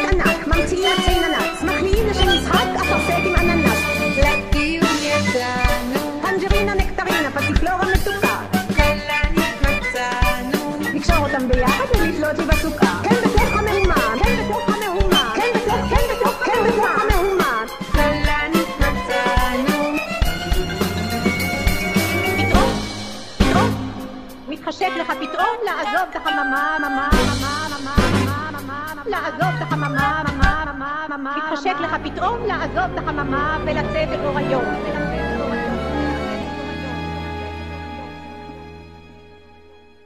ובמסגרת השזירה עם אומנויות אחרות לא הזנחתם גם את אומנות המחול, וגם הסטודנטים התבקשו להכין מוזיקה ליצירת מחול. איך בעצם החיבור הזה מושפע מן התפיסה הייחודית שלכם, של תזמורת המהפכה, את האופן בו צריך להביא מוזיקה לקהל? ב-2018 היה לנו שיתוף פעולה עם להקת המחול ורטיגו, המופלא עם רעש לבן, גרסה שלנו, של נועה ורטיים, היא הכוריאוגרפית, וכשהתחלנו את השנה הזאת אמרנו, רש"י, בוא נלך למקום אחר, בלי טקסט, בלי וידאו, והרמנו טלפון לעדי שאל ולנועה, ואמרנו, מה דעתכם נעשה חיבור בין הסטודנטים שלכם, של ורטיגו, הם ירקדו למוזיקה של החבר'ה שלנו. ולמזלנו, הם אמרו, כן, אנחנו סומכים על, עליכם. אני לא בטוח שאנחנו סמכנו על עצמנו, כי אין לנו כמעט בכלל ניסיון במוזיקה למחול. והתחלנו להבין את היחס העדין בין לכתוב מוזיקה, אבל מקום לריקוד. ויצרנו פורמט שגם הכוריאוגרפים לא ידעו. אמרנו, החבר'ה שלנו יכתבו מוזיקה, ואתם תכתבו את הכוריאוגרפיה למוזיקה. בשלב ראשון. בשלב שני, אנחנו ניקח כוריאוגרפיות ידועות של נועה, נוריד את הפסקול של רן, באישורו של רן, ונכתוב ויצירה אחת, שזה לידת הפניקס, נתנו לסטודנטית, נועה, והיא כתבה שתי דקות מופלאות בהתחלה, וכולנו היינו מאושרים, וזה שבע דקות. ואז אה, אני זוכר את השיעור שאנחנו יושבים, ואומרים לה, נועה, זה לא הכיוון. שלחנו את זה לנועה השנייה, הכוריאוגרפית אמרה, אתם פספסתם בכלל? אנחנו ניסינו ככה, אני ורועי, לצפות יחד עם נועה ולנסות ולהבין איזה DNA יש למחול הזה. וגם האזנו לפסקול שליווה את הריקוד במקור, זה לא היה דווקא קטע של רן בגנו, אלא הם עשו אוצרות של איזשהו מלחין בשם רנה אוברי, אני מקווה שאני מבטא את השם נכון. ואמרתי לה, תקשיבי, אני מזהה פה איזושהי איכות פולקלוריסטית, גם בתזמור המקורי שהיה בקטע המקורי, גם בריקוד, גם בתלבושות שבסופו של דבר הם בחרו, ואז ישבנו וניסינו לחבר מנגינה פולקלוריסטית ולתזמר את זה באופן הזה. זוהר עבד עם נועה בצמוד 24 שעות, המוזיקה הגיעה יום לפני ההופעה, ככה שנועה ורטהיים, כשיש לה קהל מעריצים של ורטיגו, יושבים בצוקר, והיא לא שמעה את המוזיקה הזאת מעולם. איזה מפחיד זה. וזו יצירה שלך שאתה מזוהה איתה, כן. וזה השחרור שאנשים, אומנים גדולים, נותנים לנו את ההזדמנות הזאת, ופתאום ראתה את היצירה שלה בצורה אחרת, והסטודנטית עברה תהליך מטורף מבחינת גם לימוד, וגם מבחינת החוויה של הקהל ושל יוצרים אחרים. דבר נוסף שאני חושב שאנחנו מנסים ללמד את הסטודנטים שלנו בתוך התהליכים האלה, כי זה משהו שהוא דומיננטי מאוד לאורך כל העשייה של תזמורת המהפכה, זה שמאחורי כל האומנות והתוצר הסופי, יש בסופו של דבר המון עבודה של יחסי אנוש. יש עבודה עם נגנים, יש עבודה עם יוצרים, ואתה צריך ללמוד איך לנהל תקשורת טובה ומיטיבה, ואתה צריך לדעת איך להתמודד עם ריג'קטים ואיך לנהל את כל הדבר הזה. והיה לנו מאוד חשוב לצוות כל אחד מהסטודנטים שלנו עם הקוריאוגרף שאותו עבד בשלב מאוד מוקדם. אמרנו, אנחנו רק גורם מתווך, אנחנו רק ניתן את המעטפת, אבל אתה עובד מולו, אתה משתף אותנו, אתה מספר לנו, עודדנו אותם לא להיות במין תקשורת וואטסאפים, שהרבה פעמים יוצרת אי הבנות, אלא להיפגש פנים אל פנים, ליצור מערכת יחסים, לבנות אמון. הדברים האלה הם קריטיים, והרבה פעמים אתה מעדיף לעבוד עם אנשים שיש לך יחסי אנוש טובים איתם, ולאו דווקא עם האנשים שהם כן. רק מוכשרים מאוד. הדבר שמוביל את המסלול הזה, זה נקרא מסלול קומפוזיציה לאומניות המסך והבמה, זה שהיום המלחינים לא כותבים סימפוניות, הם יכולים לכתוב סימפוניות, אבל או כותבים לבמה או למסך, ולכן אתה תמיד חייב להיות בדיאלוג עם עוד יוצר, וזה אתגר עצום. האתגר הנוסף זה שיש להם גוף ביצועי, מקצועי, בסדר גודל מטורף שלא קיים בארץ וגם בעולם מבחינת סטודנטים של תואר ראשון, ואז הלחץ, התפקיד שלנו זה להיות פסיכולוגים, גם מורים, כל הזמן לשחק בין המקצועי לחינוכי. אתם מדברים על קושי לפחות בהתחלת הדרך מצד האומנים שאתם מבקשים לעשות להם מחווה, אבל בשבילם, בשלב הראשון, זה נתפס יותר כמישהו הולך עכשיו לגעת ביצירה שלי, לשנות אותה, לעוות אותה, אולי לקלקל אותה אפילו. מה זו המהפכה הזאת? אז מה קורה באמת מול האומנים? הבנתי שעם גידי גוב לא היה קל, עם רע מוכיח לא היה פשוט. כן, זה, זה סוג של uh, הזמנה לריקוד. עוד לפני שאתה פונה לאומן בכלל, אתה שואל את עצמך, אני חושב שעם האומן הזה, מאיך שאני מרגיש אותו, מרמזים שאני, מהאינטואיציה שלי, זה מישהו שבכלל יש סיכוי שירצה לרקוד איתי? ואז אנחנו מגיעים אליו, כי האומנים האלה משתפים פעולה עם עוד תזמורות. אנחנו לא התזמורת היחידה שמופיעה עם אומני רוק או אומני פופ. כשאנחנו מגיעים אליהם, אנחנו מסבירים להם שה... התזמורת הזאת שנקראת תזמורת המהפכה היא ללכת אל המקור ועדיין להצליח להביא ערך מוסף. והדרך שלנו היא הרבה פעמים בעזרת עיבודים שיש בהם משהו מרחיק לכת משהו שיחשוף את אותו להיט. הרבה פעמים זה להיט כשזה להיט אנחנו הרבה פעמים עיוורים וחרשים לטקסט כי זה כל כך להיט שאנחנו כבר שכחנו על מה השיר הזה מדבר. עם גידי גוב לצורך העניין לשמחתי הרבה האינטואיציה הייתה נכונה היא הייתה כל כך נכונה שהוא בעצם אמר לנו בנקודת המוצא כשרק עשינו פגישת היכרות חברים תעופו, תעופו על עצמכם. אבל אני... אחר כך... מה שהוא אמר אחר כך, כשהמעבדים הציגו לו את הסקיצות, הוא אמר, חבר'ה, אתם זוכרים שנפגשנו לפני כמה חודשים, אמרתי לכם לעוף על עצמכם? זה לא מספיק לעוף על עצמכם. אני רוצה יותר. אני רוצה להגיד לכם שאני מבין, אני מבין שאני גידי גוב, אני נמצא על הבמה, אבל תזמורת המהפכה, אני ראיתי אתכם, זה מה שמעניין. למה אין פה איזה סולו משוגע של התזמורת? למה החלילנית לא עושה שום דבר? ואז התחילו לעלות רעיונות יותר נועזים, נערה במשקפיים, בוא ניקח חלילנית שתבוא ותנהל דיאלוג, היא בכלל תתחיל את היצירה, יש לה שם סולו שלם. או בואו ניקח עכשיו שיר שכולנו מכירים, שטח ההפקר, ובאמת נפרק את כל המרכיבים המוזיקליים הרגילים, נחליף את ההרמוניה, נחליף את הקצב, נשים את גידי גוב במקום חדש לגמרי. אז זה החלום מבחינתי. כשאומן אומר לך, לא מספיק, תתפרע יותר, וואו, זה נפלא. טוב, אתם צריכים לצרף אותו לצוות. לגמרי. מכיוון אחר הזכרת את רע המוכיח. כן. אז שם זה היה בעצם הזמנה שלי ושל רועי אל ברי סחרוף ורע המוכיח שיצרו את האלבום האלמותי מבחינתי, אלבום שאני מעריץ סימנים של חולשה, שזה אחד האלבומים הכי אוונגרדיסטים נקרא לזה של אה, ברי סחרוף, אבל צריך להגיד ברי סחרוף ורע המוכיח, כי רע המוכיח הוא לא רק מפיק מוזיקלי, הוא יוצר בתוך הפרויקט הזה. אני איבדתי את כל המופע לתזמורת ומקהלה, מקהלת בת שיר, ו... בשלב די מאוחר של התהליך, כשכבר היה לי סקיצות די מגובשות, אחרי ששלחתי אותם לאורך התהליך מספר פעמים ולא קיבלתי שום תגובה, לא לטוב ולא לרע, קיבלתי פתאום הודעה מרע המוכיח שחי בארצות הברית שהוא מעוניין לדבר איתי. ובאותה שיחה היה לנו שיג ושיח על כל מיני עיבודים, אבל זכור לי במיוחד הרגע שבו הוא דיבר איתי על שיר שקוראים לו נפתלי הדג, שהוא אחד השירים היחידים בתוך האלבום הזה שאני מרגיש שיש לו איזשהו אופי לירי, שהוא שיר מאוד מאוד רגשי. ובסופו של דבר רע אמר לי משהו שהיה לי מאוד מערער באותה שיחה, והוא אמר לי, תשמע, עשית פה דברים מאוד יצירתיים ומעניינים, אבל אני חושב שאתה עושה עוול לשיר, כי אתה מוציא את הדבר שהוא האייקון של השיר הזה, וזה הריף של הגיטרה, התווים שהגיטרה מנגנת שוב ושוב במשך ארבע הדקות של השיר. ואני אמרתי לו, רע, אני מעריץ של האלבום הזה, אני מכיר כל תו, את הליין הזה אני מכיר היטב, אבל כדי שאני אוכל להגיע לתוצאה שאני רציתי בשיר הזה, שזה נשים לב רגע לנפתלי. הילד הדחוי הזה שמדובר עליו, אני חייב לשים את הקהל במקום אחר, לא במקום שהוא בטייס האוטומטי והשיר פשוט מתנגן. והכלי הכי חשוב... הוא מחכה לסולו הזה. בדיוק, הכלי הכי חשוב זה לשמוט את הדבר הזה. ואני חייב לומר שלא הצלחתי לשכנע אותו. ובדיאלוג כזה עם אומן, כשאתה לא מצליח לשכנע אותו, אתה נמצא בדילמה, כי אתה רוצה שהאומן יהיה מרוצה. אתה, המופע הוא בסופו של דבר שם את היצירה של האומן הזה על הבמה, אתה צריך כן. להיות במקום מאוד מכבד. והייתה לי דילמה מאוד גדולה, אבל לשמחתי כבר היה לי מספיק ניסיון חיים, ואם דיברתי קודם על החשיבות של יחסי אנוש, הלכתי לקראת רע בהרבה מקומות, בהרבה בקשות שהיו לו, אמרתי לו, רע, אני בדבר הזה, אני ממש משוכנע. וכשסיימנו את השיחה הוא השאיר אותי תלוי באוויר, הוא אמר, תשמע, אתה מאבד ואני מכבד אותך, לך עם מה שאתה רוצה. בסופו של מה דבר... מה רצית? אני מאוד מאוד רציתי שהשיר הזה בכלל, א', ברי לא ישיר אותו, אלא שזמרת סולנית מהמקהלת השיר, לשמחתי הרבה, ברי נענה לבקשה הזאת. אני מאוד רציתי שלא נשמע גיטרות בכלל, אלא שהשיר הזה יתחיל במקום מאוד מאוד פשוט, כמו תמימות ילדית, mm-hmm. ושהמקהלה בעצם תייצג אולי את הקבוצה הזו של הילדים שלועגים לילד וצועקים לו נפתלי, נפתלי. ובאמת השיר מתחיל בזה שהמקהלה שרה נפתלי. ולא שומעים את ריף הגיטרה הזה, רק כעבור 4 או 5 דקות הריף גיטרה הזה מתגלה. ופתאום מקשיבים למילים. בדיוק. ולתוכן ולמשמעות. בדיוק.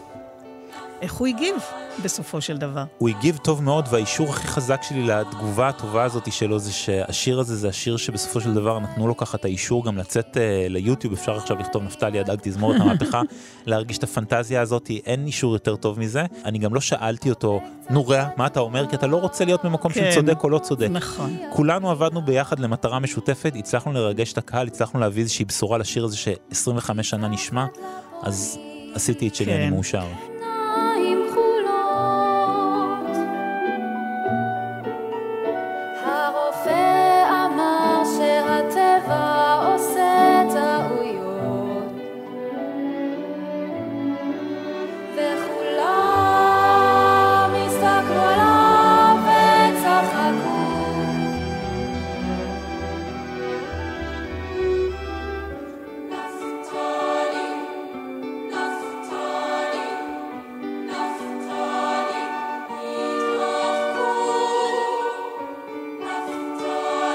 יש משהו שהתהליכים האלה במפגשים שלכם עם תיאטרון, עם משחק, עם מחול, עם טקסט, עם אומנות וידאו, גילו לכם על מוזיקה? איזשהו סוד נסתר מן העין?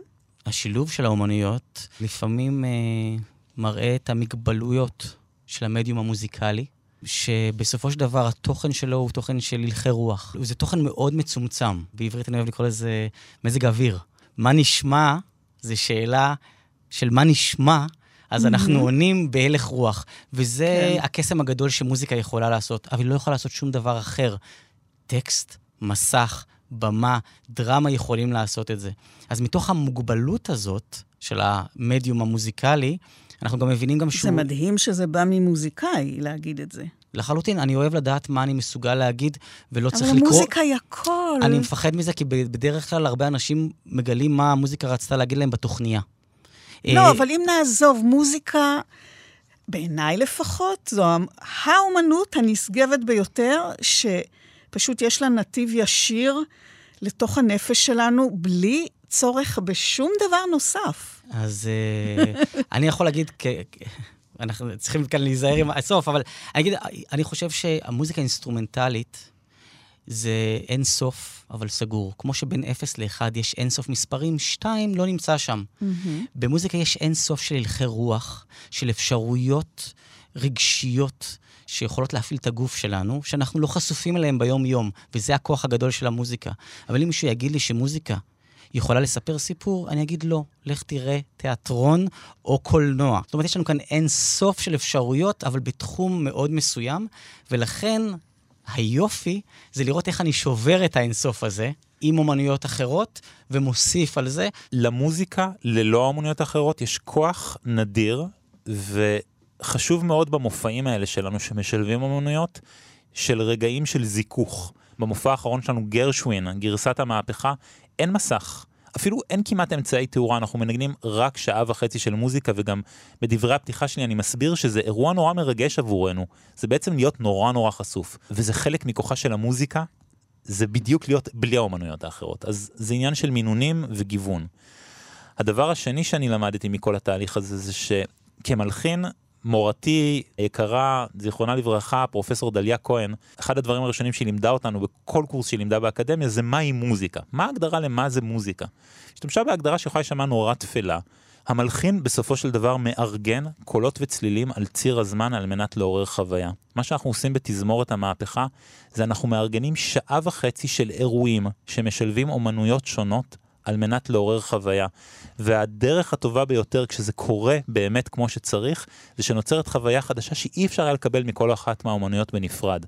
והמוזיקה mm-hmm. יכולה להיות שטיח לרגלם של האומנויות האחרות, והיא יכולה להיות מי שמאירה בפנס ענק את האומנויות האחרות. אנחנו מנסים לשוטט בין שתי ה... שני התפקודים האלה. בעצם אתם עושים מוזיקה, אפילו שהכלי הנגינה או התווים הם אה, אומנויות כן, אחרות. כן, כי מופע הוא אומנות שקורית בזמן, ומוזיקה היא אומנות שמתרחשת בזמן. אז כן, ה-DNA הזה של התנהלות על ציר הזמן, של הרכבת הרים הזאת של רגשות, של עליות ומורדות, זה בדיוק הדבר שאנחנו עושים. זוהר שרון, רועי אופנהיים, תודה רבה לכם. בתוכנית מאחורי הקלעים שוחחנו על הפרויקטים הרב-תחומיים של תזמורת המהפכה. תודה למנצח רועי אופנהיים, למלחין זוהר שרון, המנהלים והמייסדים של התזמורת המהפכנית הזאת, וגם uh, מרצים במסגרת לימודי קומפוזיציה למסך ולבמה בבית הספר למוזיקה רימון. אני רותי קרן מגישה ועורכת. עוד תוכנית גם בשישי הבא בשש. שוב נאחל לכולנו שנה טובה ומהפכות מוזיקליות עד בלי די. לתוכנית הזאת וגם לחלקה הראשון תוכלו להאזין גם בהסכת של מאחורי הקלעים, באתר כאן ובספוטיפיי, לצד כל התוכניות הקודמות. להתראות.